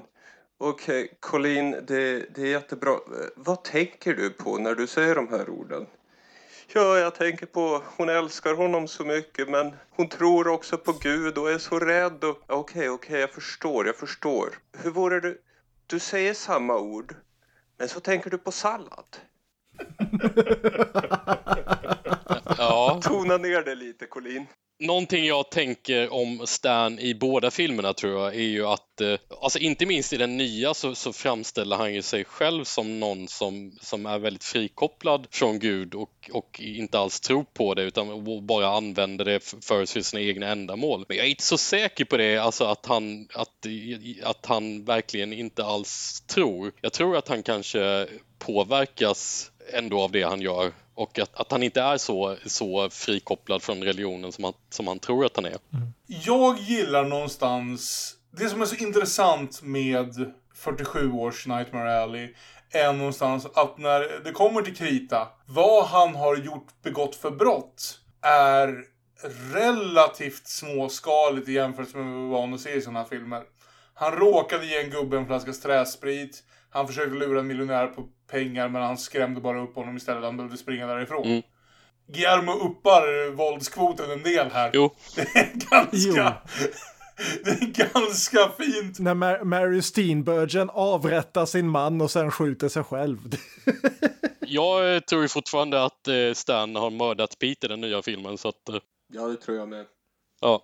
Men, men sen har vi också då den här stora uppgörelsen med den här Grindel där alltså eh, Stan har lyckats övertyga Molly om ett sista jobb att du ska klä ut dig till hans döda flickvän som han lyckades råkade ta koll på för 40 år sedan. Och han tvingade henne att, att göra abort va? Ja, och, eh, precis. Och hon strök med. För det var 19, år 1900. Det antyds i originalet, det sägs rakt ut i remaken. Och eh, hon ska alltså klä ut sig till hennes ande och vandra genom hans trädgård. Och naturligtvis så håller inte det, dels därför att han vill ju rusa fram till henne och dels därför att Molly klarar inte av att hålla masken utan bryter ihop och ber om ursäkt. Men jag ska bara säga, redan innan man kommer dit, det är väldigt fascinerande att se hur Stan eh, börjar inse att det här är på väg att gå åt helvete, jag borde avbryta Ja. det här. För fan, jag kan inte avbryta det här, det är för sent. Jag måste bara, jag måste bara köra, köra all in dubbelt istället. Eh, Ja. Det funkar jättebra i båda versionerna Ja. faktiskt. Han inser någonstans att jävlar också. Mm. faktiskt, Det, ja. det är så, har, har du tagit fan i båten får du ro honom i land helt enkelt. Ja, men som sagt, det blir betydligt mer Guillermo-slaskigt i, i den nya versionen. Jo. De har gett lite... Jag uppskattar det här bara för att jag älskar ho- honom som skådis, men Holt McCallany spelar, spelar Grindles, eh, vad heter det, bodyguard Anderson! i den nya versionen. Mm. Ja. Andersson ja. Där ser jag lite så här, vad ska vi säga, bikaraktärsarbete som jag önskar att Guillermo hade gjort lite mer skickligt i liksom tivoli-biten. För han blir någonstans inte bara the bodyguard, utan faktiskt lite av en karaktär. Ja. Som får säga lite av de här sakerna som inte Grindel kan säga rätt ut. Och han får också kanske det, brutalaste slutet i... Definitivt ett slut som, som en karaktär inte hade fått riktigt så visuellt i, i 47-versionen. När Bradley Cooper kör över honom med bilen två gånger och lämnar honom liksom ryckandes i snön. Ja. Åh, herregud! Det är en bra scen. Mm. Alltså det, det finns ju bra grejer här. Jag ser ju någonstans. Alltså jag tror ibland att Guillermo är en sån här person som bara behöver liksom en person som säger åt honom att Ja men klipp det här och det här. Det är jättebra att du filmade så här mycket Guillermo. Vi kan klippa det här, det här, det här och det här. Så har vi en tight Ja. 96 minuters film. Jo, så, så, så i bägge versionerna så flyr ju Stan då naturligtvis till Lilith som har hållit i alla hans pengar. Via diverse omvägar i 47-filmen och ganska direkt här så visar det sig att Lilith har A. för avsikt att behålla de där pengarna och B. har liksom spelat in alla deras samtal, redigerat dem väldigt noga och men snälla Mr Carlyle, jag förstår inte vad ni pratar om. Va- Varför är uppträden är så hotfullt? Det här är bara en del av er illusion. Ni har, som, som professionell psykiatriker så kan jag säga att ni lider av bla bla bla bla bla. Det här är ju varannan psykologisk thriller sedan 90-talet nu. Ja, precis. 1947 måste det här ju varit, ta mig fan, öppningen av en tråd. Det här spel... Just den här... Se- The tapes are edited, liksom. Ja. Det här att spela in ett samtal och få det att verka som liksom... Det är ju. Bara, bara just den här scenen där han står där och liksom hör polissirenerna utanför och liksom men ge mig pengarna, de kommer. Och hon bara, jag hör inga sirener. Där är också grejen.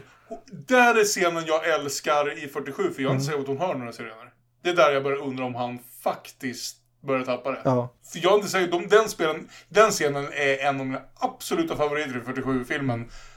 För det ögonblicket där hon också, fram tills dess ser hon ut som att hon absolut koll på vad hon gör. Men när han börjar skrika om sirener, ser hon också ut som att hon faktiskt inte hör några sirener alls. Och att han faktiskt på riktigt börjar tappa det helt och hållet. Att de bara är hans huvud. Och jag älskar tvetydigheten i det liksom. Att mitt inne i det här så börjar han höra någonting annat. Sen tror jag inte att han blir skjuten i huvudet mitt i det här i 47-versionen. Nej, men, men här, här är ju liksom, här märker man ju skillnad. Liksom Kate Blanchett gör ju den här scenen helt fantastiskt. Ju, just återigen det här liksom kaxigheten blandat med en vetskap att om hon inte verkligen spelar korten exakt rätt här så kan han döda henne med bara händerna. Och har alla skäl att göra det. Och nästan lyckas göra det dessutom. Apropå den bedrägliga terapeuten då i, i 40-talsfilmer. Så det finns ju ganska många film noir och dels är ju alla auktoritärspersoner, alla som ska vara goda i film noir så är de helt opolitliga och ruttna. Men eh, vad det också var i Hollywood på denna tid var det väldigt vanligt att terapeuter rapporterade sina klienter till HUAC, House of Un-American Activities. Mm. Det lägger ju en helt annan... Fan vad spännande. Mm. Snyggt. Sterling Hayden vet jag råkade illa ut på det viset. Det var intressant, det hade jag missat. Men, ja. Jo, det är en sån sak man läser och bara får gåshud. Man blir så peppad att gå i terapi. Det här har aldrig, det här har aldrig felanvänts av någon någonsin. Ja. Men i, i 47-filmen, han lyckas i alla fall fly från hennes kontor. I 47-filmen så sätter han tårfullt eh, Molly på ett tåg. I remaken bara försvinner hon ut ur handlingen helt och hållet. Syns, Han har och syns aldrig till igen. bort henne. Ja. Det är lite skillnad känner jag mellan de två Stan. Tyrone Power skulle sätta henne motvilligt tårfylld på ett tåg. Ja. Medan Bradley Cooper, för Bradley Cooper har hon spelat ut sin roll nu. Och han lyckas via diverse, med allt längre skägg och med allt mera sprit i kroppen. I den nya görs det ju en poäng av att han är nykterist i början. Det görs det ju inte i 47an. Nej, det finns inte alls där faktiskt. Och det, det tycker jag också är lite övertydligt att hela första filmen säger nej jag dricker inte sprit, nej jag dricker inte sprit, för, just för att det ska bli en stor grej när han tar första supen. Men jag tycker 47an lyckas göra det så bra ändå, den behöver inte liksom trumma, slå på den trumman. Och vi får den här fantastiska scenen i 47an där han då sitter och repeterar Petes gamla sån här tankeläsartrick för ett gäng luffare för att få ytterligare en klunk sprit. Och ändå blir sur över att de dricker upp hans sprit och de bara liksom, ja, get used to disappointment. För jag tycker den scenen är så jävla Jo, det är en bra. fantastisk Ja. upprepning. Ja, verkligen. Here's McChrystal. Throughout the ages, man has sought to look behind the veil that hides him from tomorrow. Since the dawn of history, man has sought to see behind the veil which hides him from tomorrow. The shifting shapes begin to clear. I see fields of grass and rolling hills. A boy is running barefoot through the hills.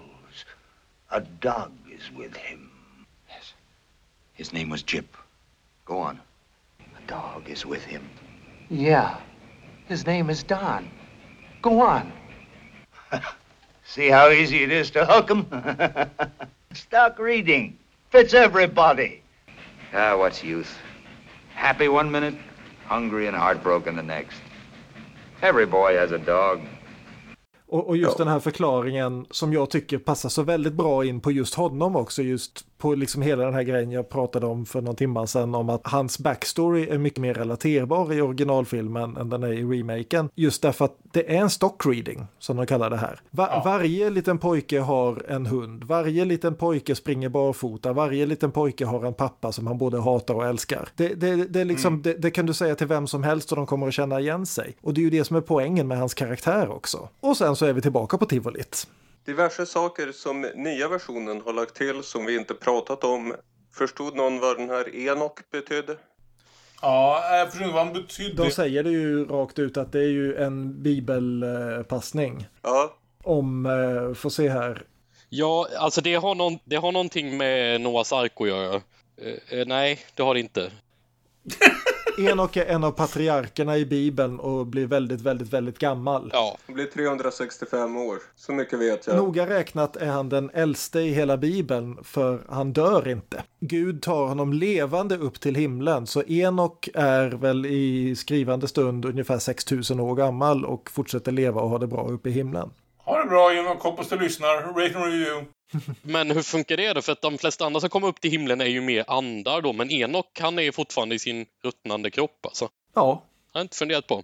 Kan ni koppla det till filmen? För det förstår jag inte fortfarande. Nej. Nej, in, inte just Enok i Bibeln. Jag kan koppla det här om, om pojken som, eh, alltså om fostret som dödar sin mamma, som dödar både sig själv och sin mamma på vägen ut. Och som ju dessutom uppenbarligen, Willem Dafoe som den första tivoli-direktören gillar ju tanken på att att det här fostret, vi ska förklara lite mer för lyssnaren. Willem Dafoe har ett foster i en burk som en del av sin liksom freakshow. Eh, som dessutom har ett tredje öga i pannan. Han är misskapt och han sägs ha dödat både sig själv och sin mamma på väg ut ur, ur henne. Och jag känner väl att kopplingen finns där i att Stan ser sig själv som någon som var misskapt och förstörd från början. Och som bara fortsätter förstöra när liksom om Enok hade kommit ut som redan fördömd från start, hur hade han fortsatt? Yeah. Men också att Enok varken lever, lever eller dör utan bara får fortsätta som han är, liksom inlåst i sin glasburk. Som den eh, verk, citat verkliga Enok då. då. Exakt. Ja men okej. Okay. Och, och, och, så får vi ju Tim Blake Nelson här. Och det var ju trevligt. Ja, jag älskar Tim Blake Nelson. Ja, som, som har tagit över från, från Willem Dafoe då, som tydligen har försvunnit längs med åren. Ska det annars vara samma cirkus han Ja, de hade köpt upp det från en konkurscirkus. Så. Ja. Kläm, kläm has folded så att säga. Det här är ändå, visst man kan se det som lite över, det här är ändå scenen där jag Mm. tycker Bradley Cooper säljer med. Då och då hittar han. Jag tycker att Bradley Cooper får till slut scenen vansinnigt bra. Alltså hur han Ja. spelar de här blandade känslorna eh, inför det här eh, erbjudandet som han får. Att, att, eh, att han spelar uppgivenhet och fasa och, och den här acceptansen inför sitt öde på ett eh, jävligt starkt sätt kombinerat med att jag tycker att det är fel berättarmässiga val att fortsätta filmen med en scen till efter den scenen som den äldre filmen gör. Det, det håller jag inte med om, men innan jag, jag håller absolut med om att Bradley Cooper, i just den scenen, nu har jag dissat honom flera gånger i den här filmen, men just den scenen är han helt fantastisk. Eh, just, det, just det här när man ser hur det gradvis liksom kryper in i hans, vid det här laget, fullständigt whisky genomdränkta hjärna. Vi får väl anta att det har gått ett par år under den här tiden. Vi måste ju säga också att den rena visuella övergången från den här prydliga Stan som utför läsningarna till Ja. den som så nersupen och åkt på liksom luffartågen ett par år. Eh, lite mer över, övertygande i den nya versionen. Det är... Absolut, men, men just det här när han liksom, när det gradvis börjar gå upp för honom vad det är Tim Blake Nelson håller på och säger och att det är exakt samma tal som Willem Dafoe gav honom hur många år det var nu tidigare. Och Både vi och han inser det innan han säger det att it's just temporary until we find a real geek. Och, och, och han, ah, han inte kan annat än att bara skratta åt ödets nattsvarta ironi här som jag som sagt tycker funkar lite bättre i originalet just därför att det är den långa vägen dit. Det är inte liksom, vi har inte sett geeken i närbild innan, utan det är först nu som vi får geeken i närbild. För jag förstår absolut Olofs synpunkt runt hur, hur det här att i den gamla filmen så måste de ju då på grund av eh, Hays Code och alltihopa klistra på ytterligare en scen efteråt där det då visar sig att Molly jobbar på samma cirkus och hon liksom lyckas förbarma sig över honom och lova att ta hand om Och, honom. och jag vill inte ha det hoppet. Jag vill att det ska sluta med svart ångest. Men jag tycker inte det är ett hopp. Det är det som jag, Nej. gör att jag tycker den scenen funkar. Därför att här är de Zina och Pete och vi vet hur det går för Precis. Pete. Och, vi, och det är, cirkeln är fullbordad och det kommer bara att gå ännu värre. Det här är inte en frälsning för honom. Det är att han som drunknande klamrar sig fast vid någon och drar ner henne också. Det är så oerhört jävla tragiskt.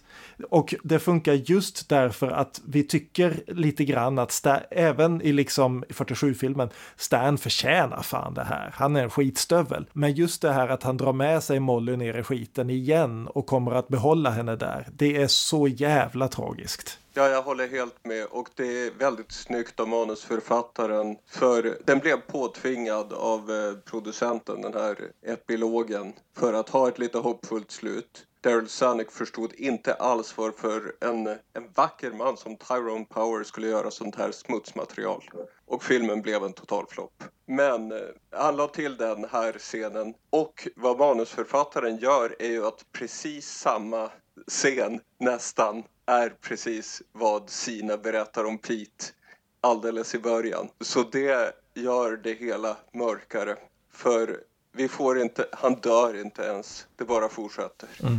Det ska ju sägas, mycket av film noir var ju sånt som redan då kallades för B-filmer, alltså lägre budget, mindre kända skådisar och så vidare. Det här var ju en stor produktion.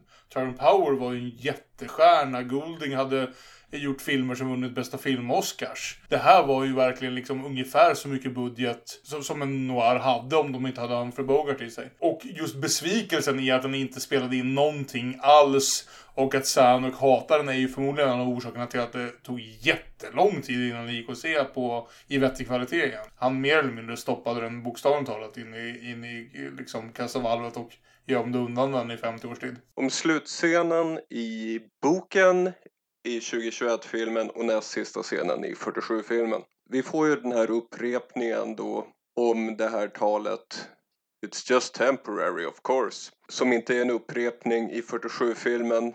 Jag tycker det är ganska bra att det är en upprepning i nya filmen. Jag tycker det funkar. Och i eh, 47-filmen har eh, Stan fått något av en hook-replik som han säger tre gånger.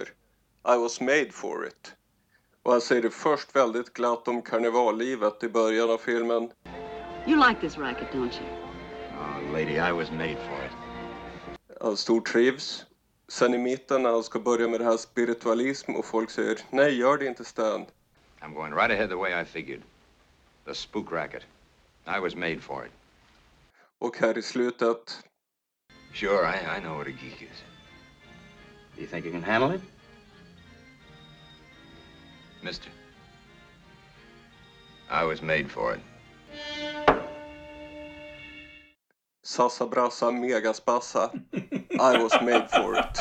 Det hade jag, inte, det jag nog inte lagt märke till, men det är, det är en kul iakttagelse. Och denna replik remixas. Den finns inte med alls i boken. Boken slutar med frågan. Of course, it's only temporary. Just until we get a real geek. Bradley Cooper får den här repliken och gör om den i versionen I was born for it. I was born for it. Mm. Och jag läste i en intervju att eh, Guillermo del Toro och eh, Kim Morgan, filmhistoriker som tydligen gift sig med Guillermo del Toro. Och hon har gjort kommentarspår på en hel massa noir och säkert skrivit om det också. För de som kan läsa. Att för dem var det extra viktigt det här I was born for it istället för made for it. Vilket går tillbaka till det Björn säger att de berättar redan från början hur det här ska sluta. De vill inte att det ska vara någon slags plot twist. Kolla hur ironiskt. De vill att det ska vara den här många timmar lång marsch där vi vet precis vart vi ska.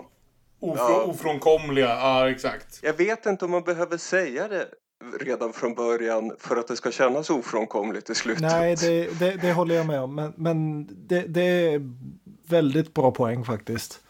Mm.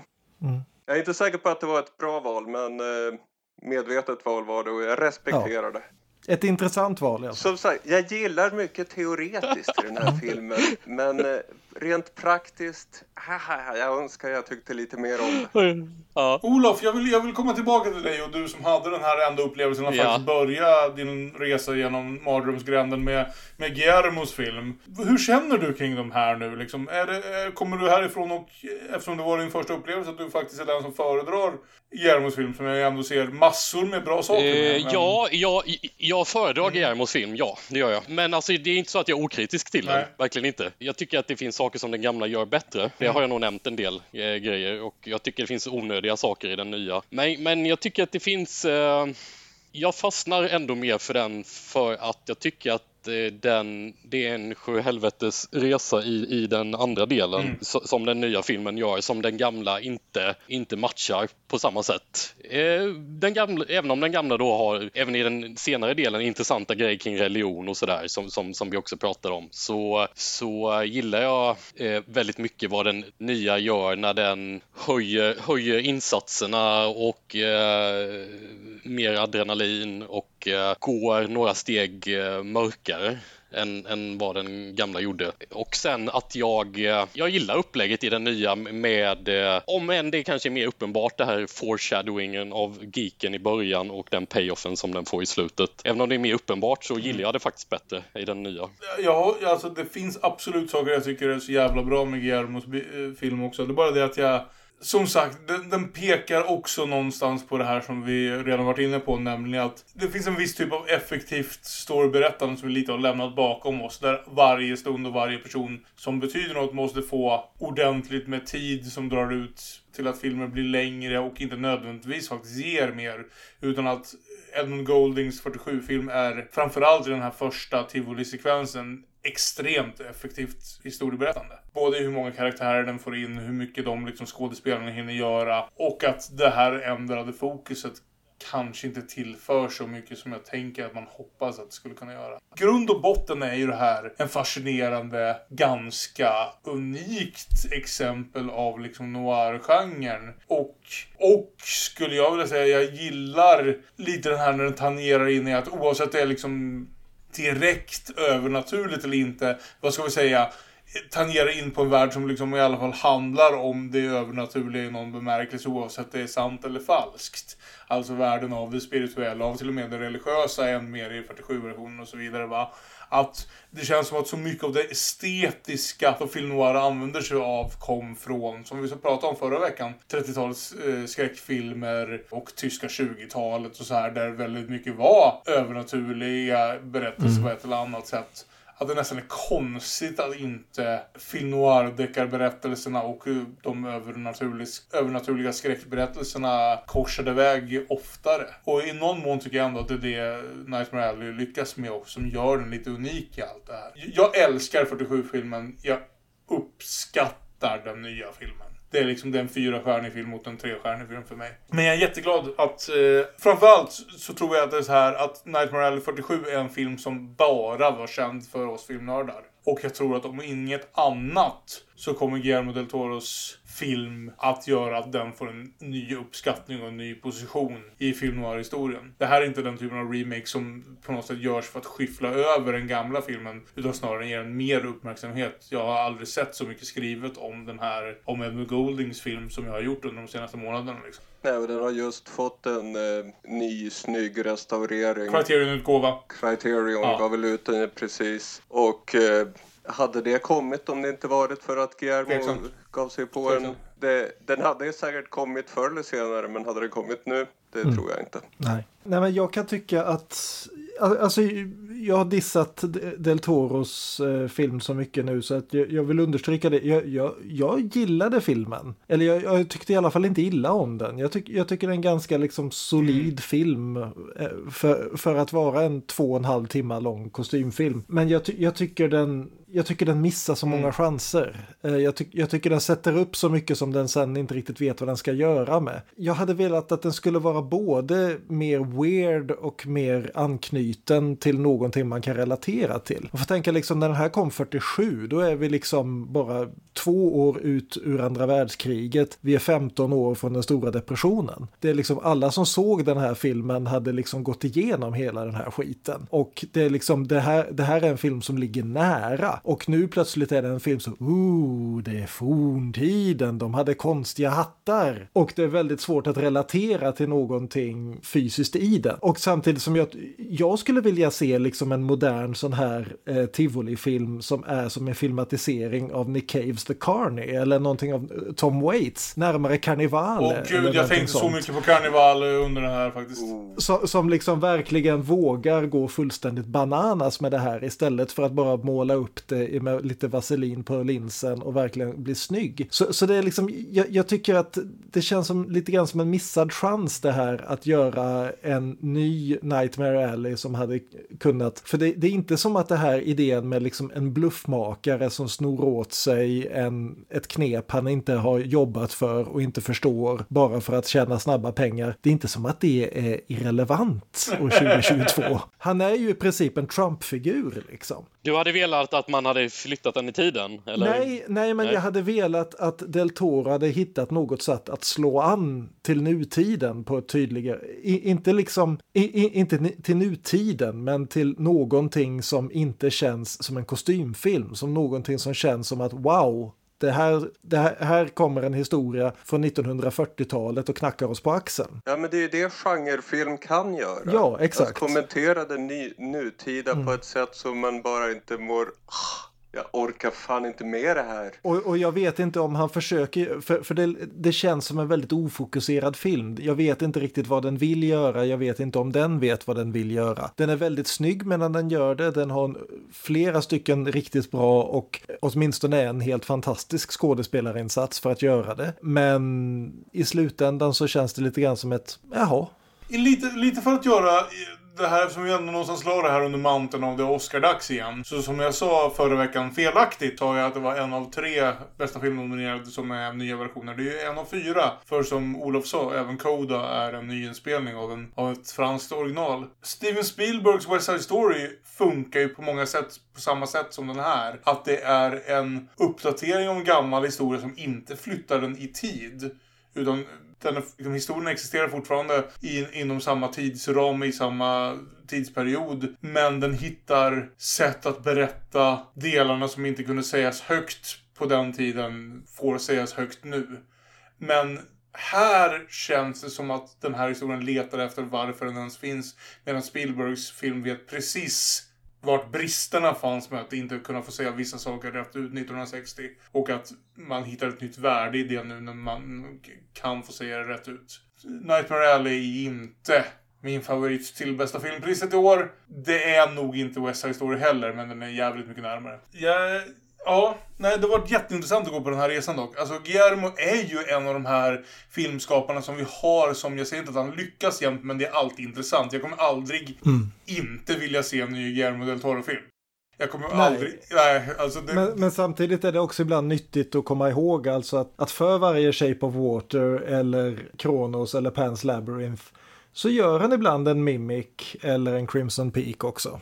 Och, och det här är väldigt mycket en Crimson Peak. En fullt kompetent, lite styrningslös film som är snygg men ja. Som man önskar var bättre. Ja, precis. Den är inte dålig, men man bara önskar den var bättre. Som hade förtjänat att vara bättre. Ja. Guillermo del Toro har aldrig gjort en ointressant film. Nej. Han kanske till och med har gjort en dålig film för jag har sett Blade 2. Och jag har sett Mimic. Blade 2? Jag gillar Blade 2. Det var länge sedan jag såg Blade 2. Ja, jag, jag, jag, jag trodde först ni satt och dissade Babe 2. Nej, det är en nästa diskussion. Det är en annan diskussion. Blade 2, Vampire in the City. ja, ja, den kan vi dissa. Ja, det avslutar vår diskussion om dessa två mardrömsgränder. Men jag har säkert något annat vi vill rekommendera som de här två filmerna fick oss att tänka på i ett segment som vi kallar Gissa den tredje. Gissa den tredje.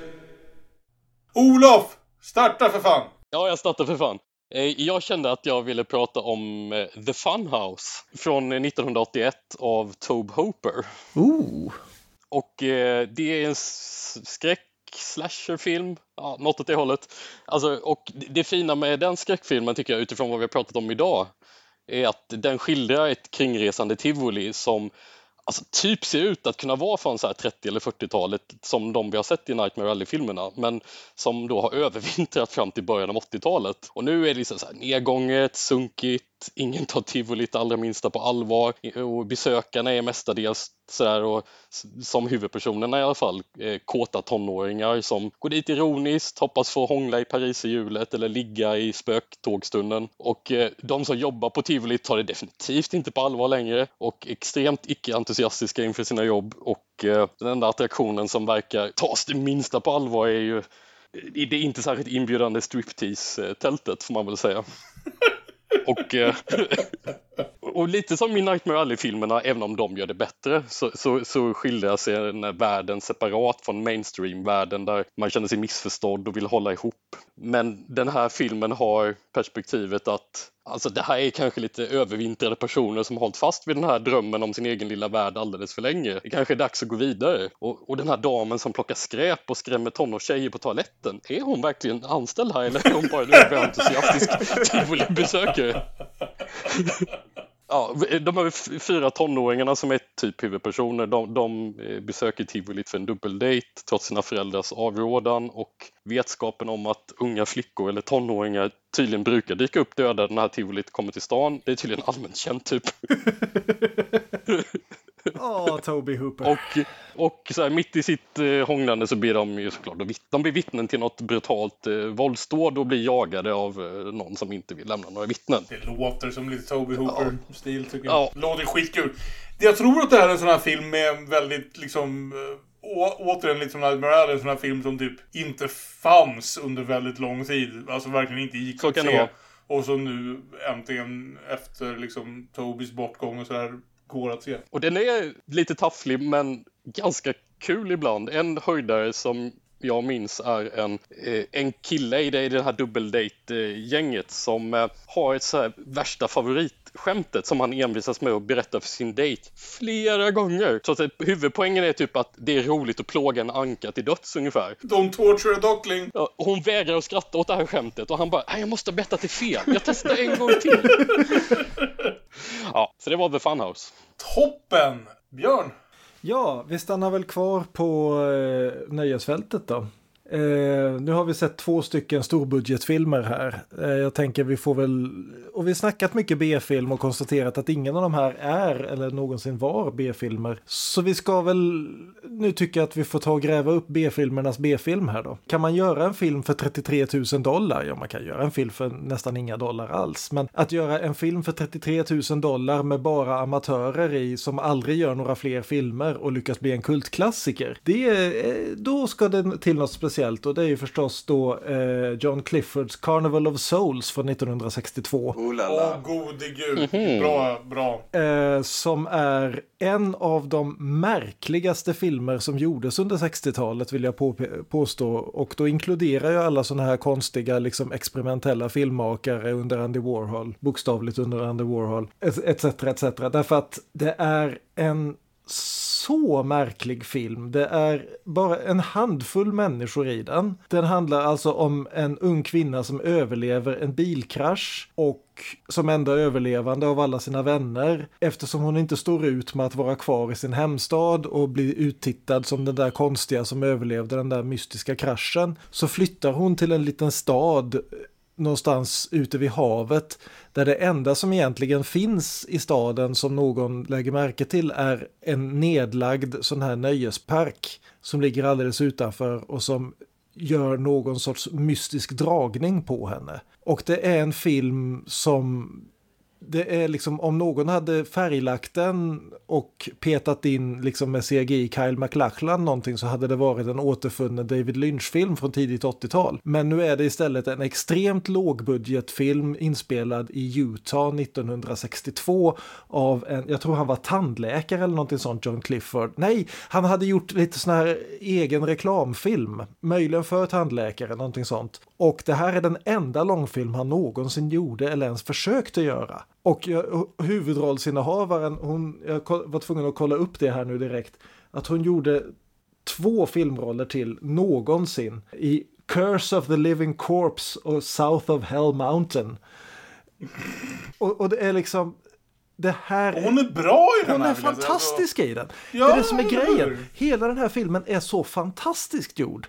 Liksom både liksom kameramässigt, klippningsmässigt, musikmässigt, eh, skådespelare, alltihopa. Det är amatörmässigt men det är verkligen den där känslan av att det, här, det är någon som har beskrivit att det perfekta spjutkastet är som att kasta spjutet genom ett 50 meter långt rör bestående av ringar som bara är 2 millimeter större än spjutet. Och det är verkligen den där fullständiga fullträffen som alla får till här och skapar en film som är så märklig och så mardrömsaktig och så psykedelisk nästan fast det är många år innan man skulle använda det ordet. Och allt i liksom lågbudget svartvitt. Och det finns ingen annan film som den och jag vill verkligen se om den nu. Ja, ja du fick mig sugen på det med. Ja, jag tycker också jättebra om den här filmen. Alltså, den, det är en sån här film som har naturligtvis så uppenbara brister men överkommer dem allihopa bara genom att vara sig själv. Det är, ja, fantastiskt jävla filmskapande. Aron, jag har för vana att spara mig själv till sist bara för att, jag vet inte, artighet. Mer spöken i film noir-sammanhang. Och där någon slags blandning film noir skräckfilm.